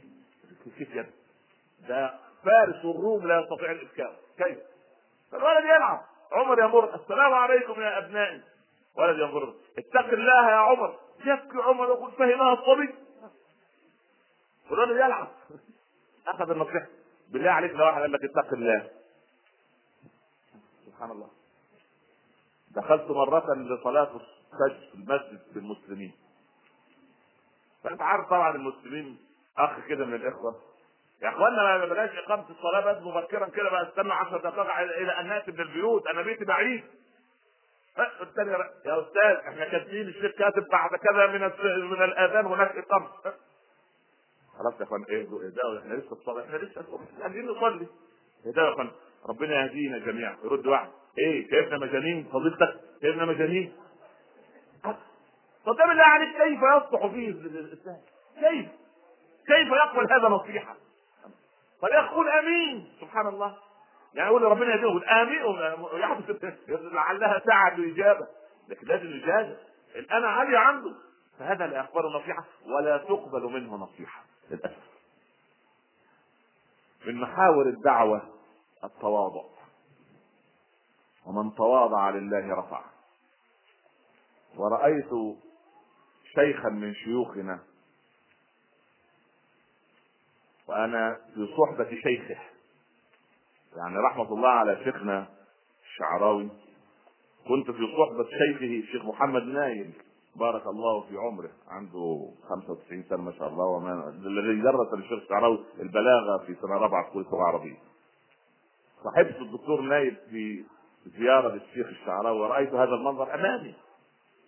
دخلت فرأيت الشيخ الشعراوي على كبر السن وكان قد عبر الثمانين يقوم بسرعة عجيبة ويقبل يد شيخه ويجلسه على الكرسي ويجلس الشيخ الشعراوي على الأرض بجوار شيخه ويميل بيديه ورأسه على ركبة الشيخ وكل لحظة يقبل ركبة الشيخ ويقبل يد الشيخ يقول هذه يد عمر ابن لها فضل علي هذه علمتني كثير. قلت بالله عليك يا مولانا أنت تجلس هكذا. بجوار الشيخ اجلس أنا؟ تحت السجادة؟ لا إله إلا الله. يعني هكذا رأينا كيف كان العلماء يحترمون. يعني أين هذا الاحترام يا أخي؟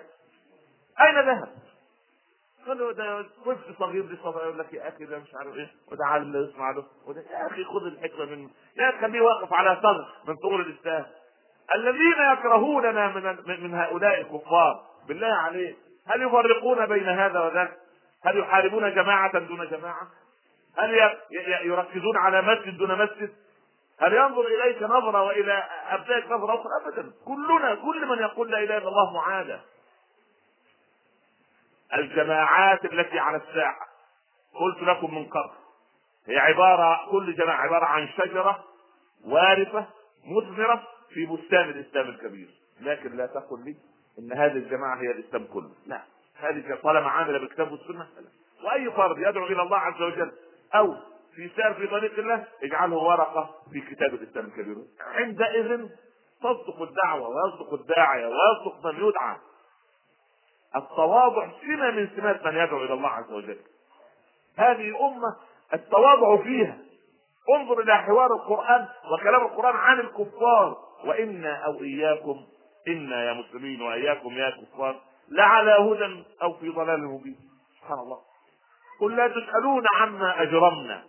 فجعل فعل المسلمين إجراما. ولا نسأل عما كنتم تعملون. وجعل فعل المجرم الكافر عمل لكي يرقق قلبه. يرقق قلبه. كان الشافعي يقول يا ربي قلت لمن قال أنا ربكم الأعلى فقول له قولا لينا لعله يتذكر أو يخشى. فماذا تقول يوم القيامة لمن قال سبحان ربي الأعلى؟ هذا هذا الانسان يتودد إلى الله عز وجل بمحامده سبحان الله. ودخل رجل على هارون الرشيد سوف أنصحك وأغلظ عليك في النصيحه قال لا تفعل. لقد أرسل الله من هو خير منك إلى من هو أشر مني. فأرسل موسى وهارون وهما خير منك إلى فرعون وهو شر مني. فقال لهما فقول له قولا لينا لعله يتذكر أو يخشى. ما توحدوا الله. لا إله إلا الله. نكمل بقية المحاور ولا كفى بالله وكيلا؟ طيب. خمس دقائق في محورين باقيين إلى أن ندخل إلى الأسئلة إن شاء الله. الدعوة تحتاج إلى أن تعطيها كل وقتك لا فضل وقتك. تعطي الدعوة كل وقت لا فضل وقت. لأن إذا أعطيت الدعوة كل الوقت بورك لك في في, بقية وقتك كله. لكن تعطي الدعوة يعني فضل لما تفضى لما تكون فارغ تروح درس العلم لما يعني كده تبقى تقرأ القرآن لما لا المسألة تريد منك أن تعطي الدعوة كل وقت. ثم المحور الأخير وهو أهم من كل هذا الإخلاص في كل ما تعمل.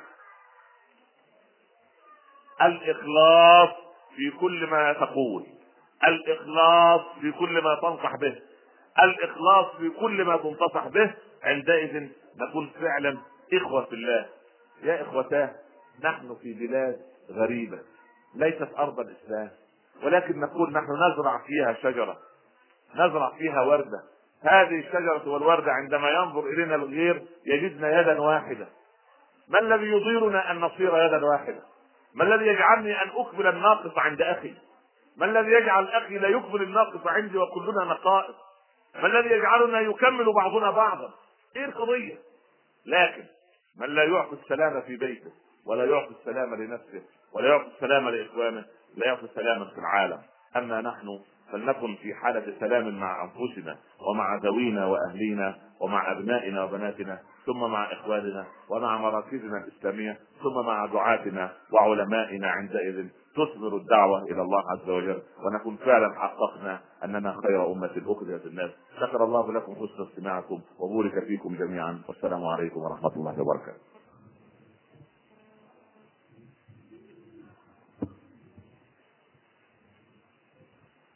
شكر الله لفضيلة الداعية الدكتور عمر عبد الكافي إلى هذه المحاضرة القيمة. وفي الحقيقة يعني أنا جلست أمامه الآن وأنا أذوب صغرا بفضل علمه وعلو منزلته. فسأسارع إن شاء الله إلى النزول إلى الأرض حتى أسارع من من على تحت السجاد إن شاء الله. في الحقيقة يعني كلام الشيخ الفاضل أثار عندي بعض الشجون. وهناك الحقيقة عدة محاور تفضل بها الشيخ وهي في الحقيقة مربط الفرس. وكم نحن محتاجون إلى هذه النصائح وهذه العظات وخصوصا بما يتعلق بالأخوة. كما ذكر الشيخ جزاه الله كل خير. فأدعو نفسي أولا وإخواني ثانيا. إلى مراجعة النفس وأن نحاول أن نستفيد من هذه المحاضرة من فضيلة العالم الداعية المربي. وكلمة العالم المربي في الحقيقة هي كلمة ليست بالهينة وراءها علم كثير وغزير وراءها تجربة وراءها تربية وراءها خضوع لعلماء وجلوس بين أيدي علماء ساعات وليال طويلة. من هذا نتعلم ومن هذا نستقي ومن هذا نرتقي بأنفسنا وبإخواننا وبأسرنا إن شاء الله تعالى. فأدعو نفسي أعيد وأكرر أدعو نفسي وإخواني إلى التمسك بهذه الركائز التي أثأرها فضيلة الشيخ وأن نحاول أن نربي أنفسنا على التواضع والخضوع وأن آه، نسعى لتربية أنفسنا بين أيدي علماء فضلاء أجلاء آه، خاضوا هذه التجربة وخاضوا هذه المحن والقضايا آه، حتى خرجوا بهذه الحقيقة بهذا العلم وبهذه التربية وبهذا التوجيه فنستطيع منهم إن شاء الله أن نستقي وأن نتعلم وأن نتربى بإذن الله في المستقبل. وكذلك نحن دعونا فضيلة الشيخ أن يكرر زياراته إلينا. كذلك هناك عدد من الدعاة الفضلاء الذين سيزورون إن شاء الله في الأسابيع القادمة.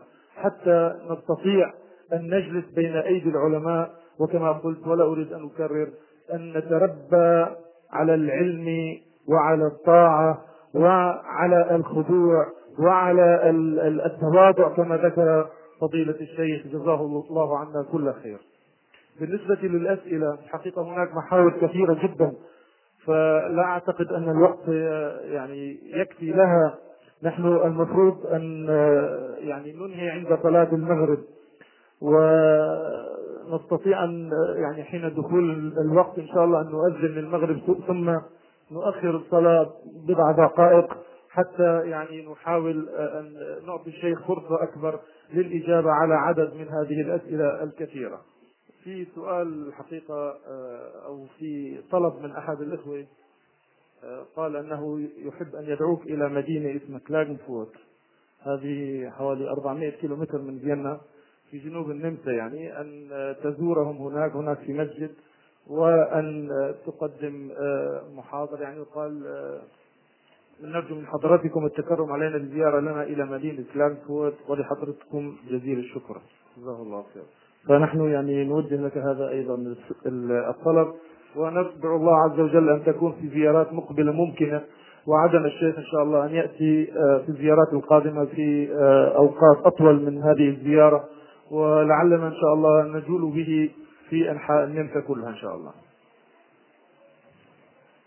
هناك سؤال. أولادنا في الغربة لا يستجيبون للنصح والتوجيه فكيف يكون تصرفنا تصرفنا معهم؟ وفي الحقيقة هذا كان محور مهم أيضا. كنا نود أن يطرح في هذه في هذا اللقاء قضية التربية للأبناء وخاصة في مثل هذه البلاد. قضية الأولاد سواء في الغربة أو في أرض الإسلام فلقد صار المسلمون في أرض الإسلام أيضا غرباء. صاروا بين عائلاتهم غرباء. أنت في أرض الغربة وفي أرض الإسلام إن بلغت ابنتك الحلم وأردت أن تجعلها ترتدي الزي الإسلامي اجتمعت العائلة وأفراد العائلة كأنه مجلس حرب يعني يعنفونك أنت وزوجتك ما هذا الجنون الذي سوف تصنعه هذا حرام يا أخي. يعني البنت ما زالت صغيرة. خالتها ما تحجبت بعد. عمتها ما ارتدت الحجاب من بعد. جدتها غير محجبة إلى الآن. وكان جدتها وعمتها وخالتها أسوة حسنة وللأسف الشديد. حتى في أرض الإسلام أنت غريب. يعني لماذا أنت في أرض الغربة؟ يا الله يمكن تجد الدين والإسلام والعقيدة وحرية حتى التعبير عن رأيك. سبحان الله العظيم. في أرض الغربة أكثر من لكن يعني أقول نحن مع أبنائنا على محاور ثلاثة.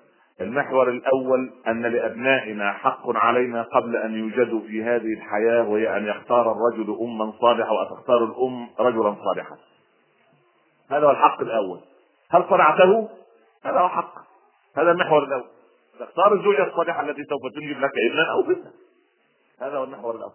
والزوجة أيضا لا تختار صاحب المال والشهادة فقط ولكن صاحب الخلق والدين. الأمر الثاني أننا نكون قدوة بالعمل لا بالكلام. العمل. الولد ينظر والبنت تنظر تنظر إلى تواضع أبيها. لو جالس في حجرتهما ليس على رؤوس الأشهاد لا يمزق كل واحد منهما عرض الآخر لا تخوض الأم في أهل زوجها أمام الأبناء. ولا يحدث العكس من الزوج أمام البنات ابدا. هذا أمر مهم. ثم المحور الثالث أن تتقي الزوجة ربها. فيصلح الله ما بينها وبين زوجها أو أولادها. وأن يتقي الزوج ربه. فيصلح الله بينه وبين أولاده وزوجته أما أننا نترك ابنائنا نطعمهم من شبهة ونطعمهم من حرام ولا نتقي الله باختيار الأم الصالحة ولا تختار الأم الصالحة الزوج الصالح. ثم بعد ذلك نتركهم سنوات طويلة إلى أن يكبر الولد وتكبر البنت ويشعر بحرية الفكر وحرية الحركة واستقلالية المنهج ثم بعد ذلك يشعر أن الأوامر صعبة عليه. ثم نلوم. فلا نلوم إلا أنفسنا. لاعبه سبعا أدبه سبعا صادقه سبعا ثم اترك له الحبل على غاربه وقل له وكلتك للحي الذي لا يموت. حفظه كل يوم. آيتين أو ثلاث من كتاب الله. واحفظ معه. ولتحفظ أمه معه. رأيت من الولد اللي في العام الماضي الذي كان الثالث على مسابقة المسابقة الدولية للقرآن الكريم في الخليج في دبي. ولد مصري الثالث عنده أحد عشر عاما. الغريب في الولد أن الرجل جاء به على شاشة التلفاز وقال للمشاهدين ليقل لك ليرسل لنا الآن ويكلمنا الآن أي مستمع ويقول لنا عن الآية كذا في سورة كذا فقط. الآية 61 في سورة البقرة. بس والولد ينطق بالآية رقم 61 من سورة البقرة. وآخر يسأله عن الآية نفسها يقول له هذه الآية رقم كذا في سورة كذا. هذا هو الثالث. الأول ولد إفريقي. بعد أن أخذ الجائزة الأولى في الحفظ وفي القراءات سأله رئيس اللجنة ما اسمك يا بني؟ ففتح الولد عينيه. قال اسمك إيه؟ فقال رئيس اللجنة هو لا يفهم العربية. هذا ولد صالح لأن له أب صالح وأم صالح. أما أن آتي لابني بمدرس الموسيقى البيانو وهذا بين اللي يلعب الاسكواش والتنس. وليس هذا لا أقول يعني أعترض على مثل هذا لكن أنا أعترض على أنني أنسى الولد وأنسى البنت. فجأة أكتشف ان لي ابن عنده 20 سنة وبنت عندها 15 أو 20 سنة ترفض الحجاب وهذا يرفض الصلاة. وألوم البنت وألوم الولد لا الوم إلا نفسي. في احد الإخوة آه، طالب في قضية الاستفسارات بما وعدت به سابقا في المرة القادمة في المرة السابقة في آه، ما ما يعين الأخ في الغربة على استفساراته. فكنا قد نوهنا في بداية هذا اللقاء أن هذه ال 120 سؤال التي أجاب عنهم فضيلة الشيخ ستطبع قريبا إن شاء الله وتوزع. إن شاء الله تعالى. آه، هناك سؤال آه، شيخنا الفاضل الركائز التي يستعين بها المسلم على ما حوله من فتن تحيط به من كل جانب.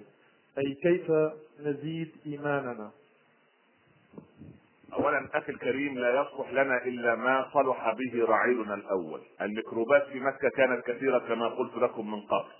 جراثيم العبودية والرق جراثيم وميكروبات الأصنام والآلهة التي كانت تحيط بالكعبة الخمر الفواحش الظلم القتل الطبقية. كل هذه كانت جراثيم وميكروبات تعقد في مجتمع مكة.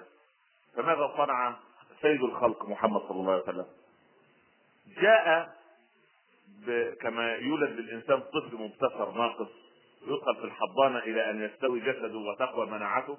قوى الرسول جهاز المناعة في حضانة الأرقم ابن أبي الأرقم فقوي جهاز المناعة الايماني عند الصحابة فلما خرجوا إلى ميكروبات أبي جهل وأبي لهب ما همهم الميكروبات وإنما انتصروا عليها لأنهم تربوا تربيه فاضله أكبر محور وركيزة هامة لمعيشتك في الغرب أن تقوي يقينك وإيمانك بالله سبحانه وتعالى.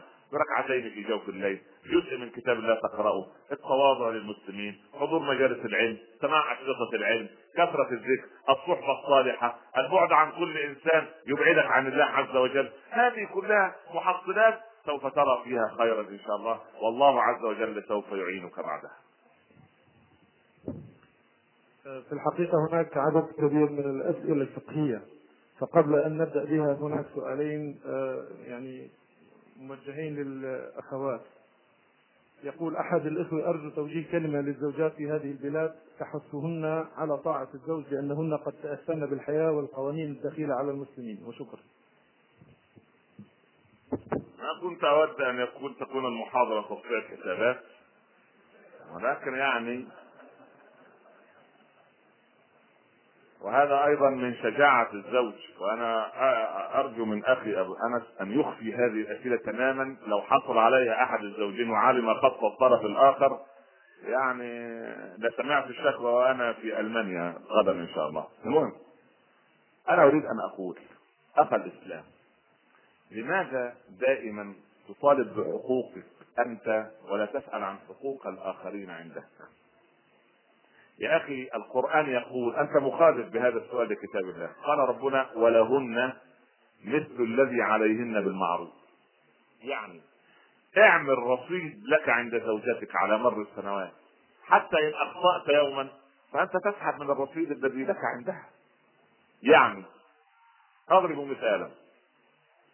قلت مرة من عشرين سنة في مصر يا أخي كنا نتكلم عن حقوق الزوجة. مره يا أخي عد إلى بيتك وكما أوصانا رسول الله صلى الله عليه وسلم صافح زوجتك بجد وربت على يدها برزق وحنان كما ترى في الفيلم. سبحان الله. كان ليه فيلم واقعي خليك راجل مخرج واقعي يعني الافلام الواقعية. ها؟ فوالله أقسم لي رجل بالله أنه عاد إلى بيته وأراد أن ينفذ ما قاله الشيخ عمر في المسجد. السلام عليكم. وعليكم السلام. مد يده. فنظرت ما لم تعجبت المرأة يعني متزوجة من سنوات طويلة. خيرا. هلا سلمي. فسلمي هذا فربت على يده كده برزق وحنان. فما كان منها هو يقسم بالله. ما وضعت يدها على جبهته. أنت سخن أنت مريض خير. شعرت المرأة أن أمر عجيب يحدث في البيت. لأنها ما ما عجز منه هذا الرفق وهذا اللين. طيب أنا أرجو منكم وأنتم في أرض الغربة أن يعود الإنسان حتى وإن كان بينه وبين زوجته يعني يعني صافح كده بس ولا يقول لا تكملة. والله يقول الشيخ قال هذا من عامل لا عايزينها تخرج من يعني هذا بالهد ثم لا تكن أنت والغربة عليها. لا. كن لها حضنا حضنا افتقدت أباها وأمها وأخاها وخالها وعمها وخالتها وعمتها وأهلها وبيئتها التي تربت عليه. فكن أنت الصدر الحنون ثم كلمتي أيضا إلى الأخوات الفضليات. ألا يمسكن بميكروسكوب وعدسه يعني مكبرة ليبحثن عن عيب للزوج. لا. كلنا أخطاء سواء زوج أو زوجة. كلنا أخطاء. لا معصوم منا من الخطأ إلا رسول الله. كل بني آدم خطاء. فيجب أن سددوا وقاربوا كما قلنا في خطبة الجمعة.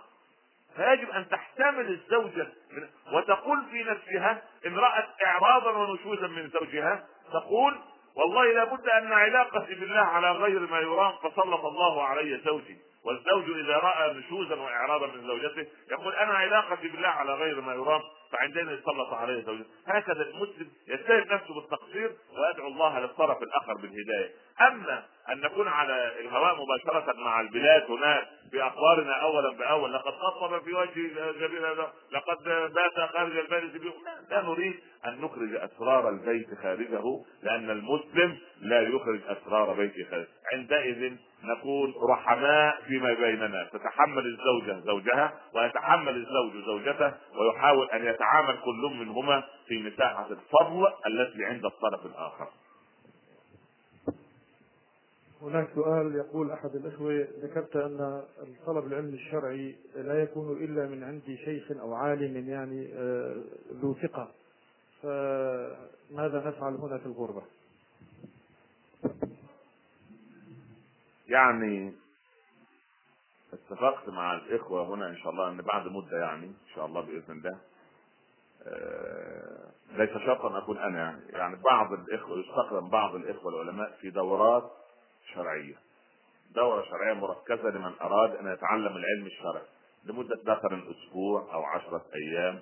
هذا الأسبوع يكون مركز على محور معين من المحاور الفقهية أو المحاور مثلا دراسة في علم التفسير دراسة في علم الفقه دراسة في أصول الفقه دراسة في علم المواريث دراسة في السيره دراسة في مكانة السنة دراسة في تاريخ الصحابة دراسة في مكانة الصحابة. إلى إلى تكون محاور يخرج منها ال ال ال ال الذي يحضر هذا هذه الدورة بمعلومة معينة على يد عالم يفهم ماذا يقول وماذا ماذا يقال وماذا لا يقال. هنا يعني يعني قال العلماء يعني لا تمنعوا الحكمة من أهلها فتظلموهم ولا تعلموها إلى غير أهلها فتظلموها. يعني أنا إن علمت الحكمة لمن لا يستحق فقد ظلمت الحكمة نفسها. فهذه يعني بادرة قد تكون. وأنا أعلم أن هنا في فرنسا في أيضا دراسة وفي على الأخ الدكتور صلاح سلطان وصلاح الصوى في الجامعة الأمريكية الاسلاميه في عن طريق الإنترنت أيضا في هناك من الدراسة الشرعية. ويعني إذا من أراد أن يبحث فسوف يجد إن شاء الله سوف يجد. ولكن يعني الدورات الشرعية أفضل لأن أواجه العالم ويعني وجها بوجه وأحاول أن يفرغ وقته لي في مسألة تفريغ طاقة أسبوعية مثلا ويأتي آخر الدورة ليعقد امتحان ويوصي العالم بكتب معينة تقرأ. ولا وليس كل من هب ودب يعني آه، يقرأ أي كتاب. لا القضية لا بد لنا أن يعني نأخذ من افواه العلماء فالعلم من طريقين من افواه العلماء ومن بطون الصحف من كتب يعني. من أخذ العلم من بطون الكتب فحسب ضل وأضل. لابد من أن نأخذ يعني مثلا مثال بسيط مثال بسيط جدا. بعض كتب الفقه تتحدث أن من نواقض الوضوء لك أكل لحم الجزور. مثلا لحم الجمال. البعير الابل النوق. لماذا؟ لأن الحديث في صحيح مسلم يقول من أكل لحم جزور فليتوضأ. هذا كلام في الفقه نعم لكن الحديث له أصل. أكل الصحابة لحم جزور عند جابر وذهبوا إلى المسجد فأخرج أحد الصحابة ريحا فقال النبي صلى الله عليه وسلم أدبا وحياء. من أكل لحم جزور فليتوضأ. قال كلنا أكلنا. قال كلنا نتوضأ. أراد أن لا يحرج من أخرج الإيه؟ فمن أخذ النص بدون قصة ظن أن أكل اللحم الجمل ينقض الوضوء. لا ينقض الوضوء إلا خروج شيء من أحد السبيلين. هذا معروف في الفقه. ولحم البعير طاهر وإلا لما أكلناه. فإذا أكلتم الذي ينقض الوضوء فيه. إذا القضية لابد أن على على على لسان عالم. وعلى رؤية عالم تعلم أيضا. يا أخي ابن عباس كان يقول كنت أجلس على باب العالم لأسأله عن مسألة. لا أزعجه بالطرق. لا ياخذ الباب. وأنتظر. ويكون يوم يوم ريح. فالرمال تأتي الرياح تأتي بالرمال في أذنيه فأضع عباءتي على رأسي حتى يخرج العالم للصلاة. ابن عباس يقول نعم. وما الذي جعلك؟ ابعث إلينا نأتيك. يقول العلم يؤتى إليه ولا يأتي العلم لأحد. فقال ابن عباس في نهاية المطاف زللت طالبا فعجزت مطلوبا. وكان الإنسان منا عندما لا يحفظ مسا معينا أو سندا معينا بين يدي عالم كان يحرمه يقول يا فلان لا تحضر الدرس القادم. هذه كانت أكبر كارثة عند أي واحد منا ونحن طلب وما زلنا نطلب العلم وسوف نظل نطلب العلم. وكان ابن حنبل إلى آخر أيام إذا سمع حديثا ما سمعه من قبل يسارع بكتابته. يقول يا أحمد يا إمام أهل السنة حتى في هذه السن يقول مع المحبره إلى المقبرة. أنا العالم الوحيد. من العالم الوحيد هذا. يا أخي عصر الفقير واوحد ولا؟ وهناك مسائل لا يستطيع أن يفتي فيها عالم واحد. ونحن نستشير كل علمائنا في صغير الأمر وكبير ونعود اليهم ونتشاور في كم عن طريق الهواب عن طريق المقابلات وعن طريق المؤتمرات ونجلس في منتديات خاصة ومجالس خاصة ونبحث ما الذي يعني نقدمه الآن وما الذي يؤخره الآن ما الذي نتكلم فيه. يعني لا تظن أن العلماء يعني هم مطاردون في كل مكان ومغضوب عليهم في كل مكان. ورغم ذلك هم يبتسمون أمام الناس ويريحون الناس في الفتاوى. وأنت سدد العالم وادعو له بالخير لأن الأمة تبقى بخير طالما علماؤها يفتونهم فلا يضلون ولا يضلون. لكن يعني نحن فقدنا على مدى السنوات الأخيرة جمع من العلماء كبير قد رحلوا إلى العالم الآخر وأفضل مع اللهم الحقنا بهم في الصالحين. يعني أخشى أن لا يبقى من الناس إلا حثاله كحثاله الشعير لا يباليهم الله بالا يا أخي أحمد بن حنبل لما دخل مع يحيى بن معين في جمع كبير من الناس ووجد خاصا يقص رجل يعني اختصر فقال الذي يقص حدثني أحمد بن حنبل عن يحيى بن معين عن عن عن عن عن النبي صلى الله عليه وسلم. أن من قال لا إله إلا الله مرة خلق الله له عصفورا له ألف لسان كل لسان ينطق بلا إله إلا الله ثوابها في ميزان يوم القيامة. هذا حديث لا أصل له. يحيى بن معين نظر إلى أحمد. أحدثت عني هذا؟ قال لا يا إمام. أسمعت مني؟ قال لا يا إمام. أحمد انفعل من أجل أستاذه قال يا هذا. ممن سمعت هذا الحديث العجيب؟ قال من أحمد بن حنبل. عمن حدثك؟ قال عن يحيى بن معين. ضحك أحمد قال أنا أحمد بن حنبل وهذا يحيى بن معين. فأسقط في هذا الرجل. قال وليس في الدنيا أحمد بن حنبل ويحيى بن معين سواكما سبحان الله العظيم. هذا رجل مصمم على الجهل يا أخي. سبحان الله. كم باقي صلاة المغرب يا اخوانا؟ دخل؟ يتفضل أحد الإخوة يأذن صلاة المغرب لو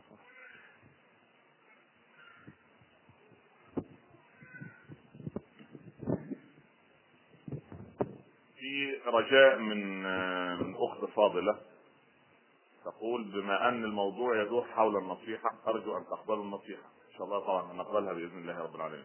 بل هو رجاء حار. إحضار الأطفال إلى المسجد في جلسة علم علم أمر مزعج جدا لنا ولا يحمل أي فائدة للأطفال بل يحصلون على القطعات والضغوط من الأمهات وهذا حرام. وما ذنبنا نحن النساء الذين وجدنا اماكن لأولادنا فلم نحضرهم معنا لكي نسمع المحاضرة ونستفيد شيئا. آه، يعني والأطفال فوق رؤوسنا ولا نستطيع أن نقدم شيئا. هذا أذى شديد يوجه لنا أو موجه إلينا وسامحكم الله. آمين يا رب العالمين. سامحنا الله جميعا. حقيقة هو يعني توجيه في مكانه.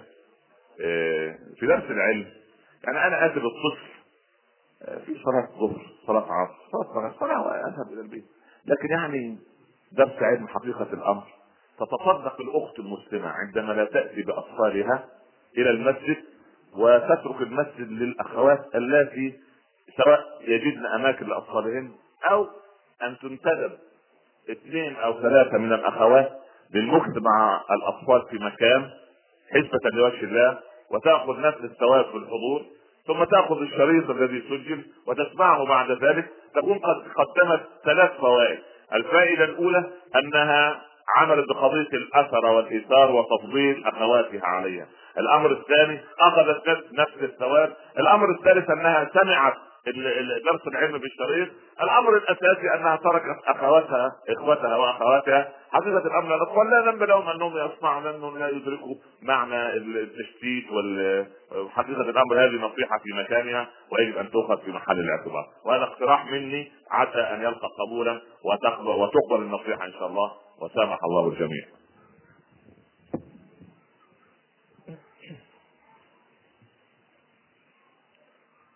هناك بعض الإخوة والدعاة في المساجد تهاجم الصوفية وتكفرها.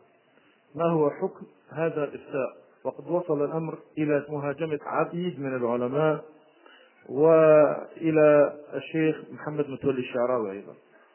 تفضل بالإجابة.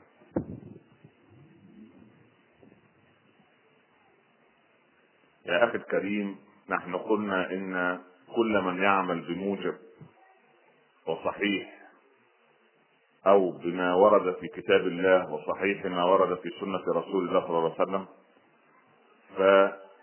فنحن يجب الا نخوض فيه ونحن يجب أن نمسك ألسنتنا أساسا عن كل من قال لا إله إلا الله. أما أن يتصدى بعض الناس بتأفيه بعض الطرق المعينة أو الجماعات المعينة حتى وإن كان منها الصوفية فليذهب هو أيضا إذا كان يعني منظرا بهذه الدرجة إلى بعض من علماء الصوفية ويجلس معهم في جلسة نصيحة في بعض ما يراه مخالفا لصحيح الكتاب والسنة. فإن قبلوا النصيحة كان بها وإن لم يقبل عليه أن يهذب وينصح بما يرضي الله سبحانه وتعالى لكن أن يشوه الناس وأن يخوض في أعراض الناس وأن يخوض في أعراض علماء سواء أحياء وللأسف قد أفضوا إلى ما عملوا ونحن نعلم عنهم الخير كله ولا نعلم عنهم الشر وكل إنسان منهم يعني خطاء وكلنا خطاؤون وأنا أولكم سبحان الله العظيم. فهذا إنسان يفرغ وقته لهدم يعني ويمسك بمعول ليهدم به يعني جماعة الإسلام وجماعة المسلمين. قلنا إن الجماعات العاملة على الساحة عبارة عن أشجار وارثه في بستان الدعوة الكبير. فلتكن أنت أخ الإسلام شجرة ولتكن فرعا ولتكن ثمرة ولا تهاجم أشجار أخرى ولا تقطع شجرة وإنما عليك أن ترويها وعليك أن ترفع من حولها الحشائش الضارة وأن تنصحهم في الله أن ترسل لهم رسائل مهذبة. والناس تقبل النصيحة إن شاء الله رب العالمين. لكن نحن في زمن الكل عن بكرة ابيه يريد أن يهاجم الإسلام. أنا لا لا أقر مبدأ الصوفيه لا أقر الصوفيه أساسا. نعم. ولكن يا أخي إذا نصحنا فلننصح في حجره مغلقة والناس سوف تسمع إن شاء الله رب العالمين. يا أخي الإسلام الغرب يريد بنا شرا من سنوات طويلة. هل قرأتم كتاب اليهودي الأمريكي نعومي جولدن الذي كتب كتابا منذ شهرين في في السوق الأمريكي أن روبرت أن كينيدي الرئيس الولايات المتحدة الأمريكية في بداية الستينات لما أراد التدخل في كوبا دون دون تدخل أو دون يعني إثارة حفيظة الاتحاد السوفيتي ولم يجد مبررا للتدخل في كوبا فقدمت إليه السي آي إيه مشروع أن يؤتى ب 30 كوبيا مقيمين في الولايات المتحدة في هذه الآونة مغضوب عليهم من كوبا ويفجروا أكبر مبنيين كبيرين في نيويورك.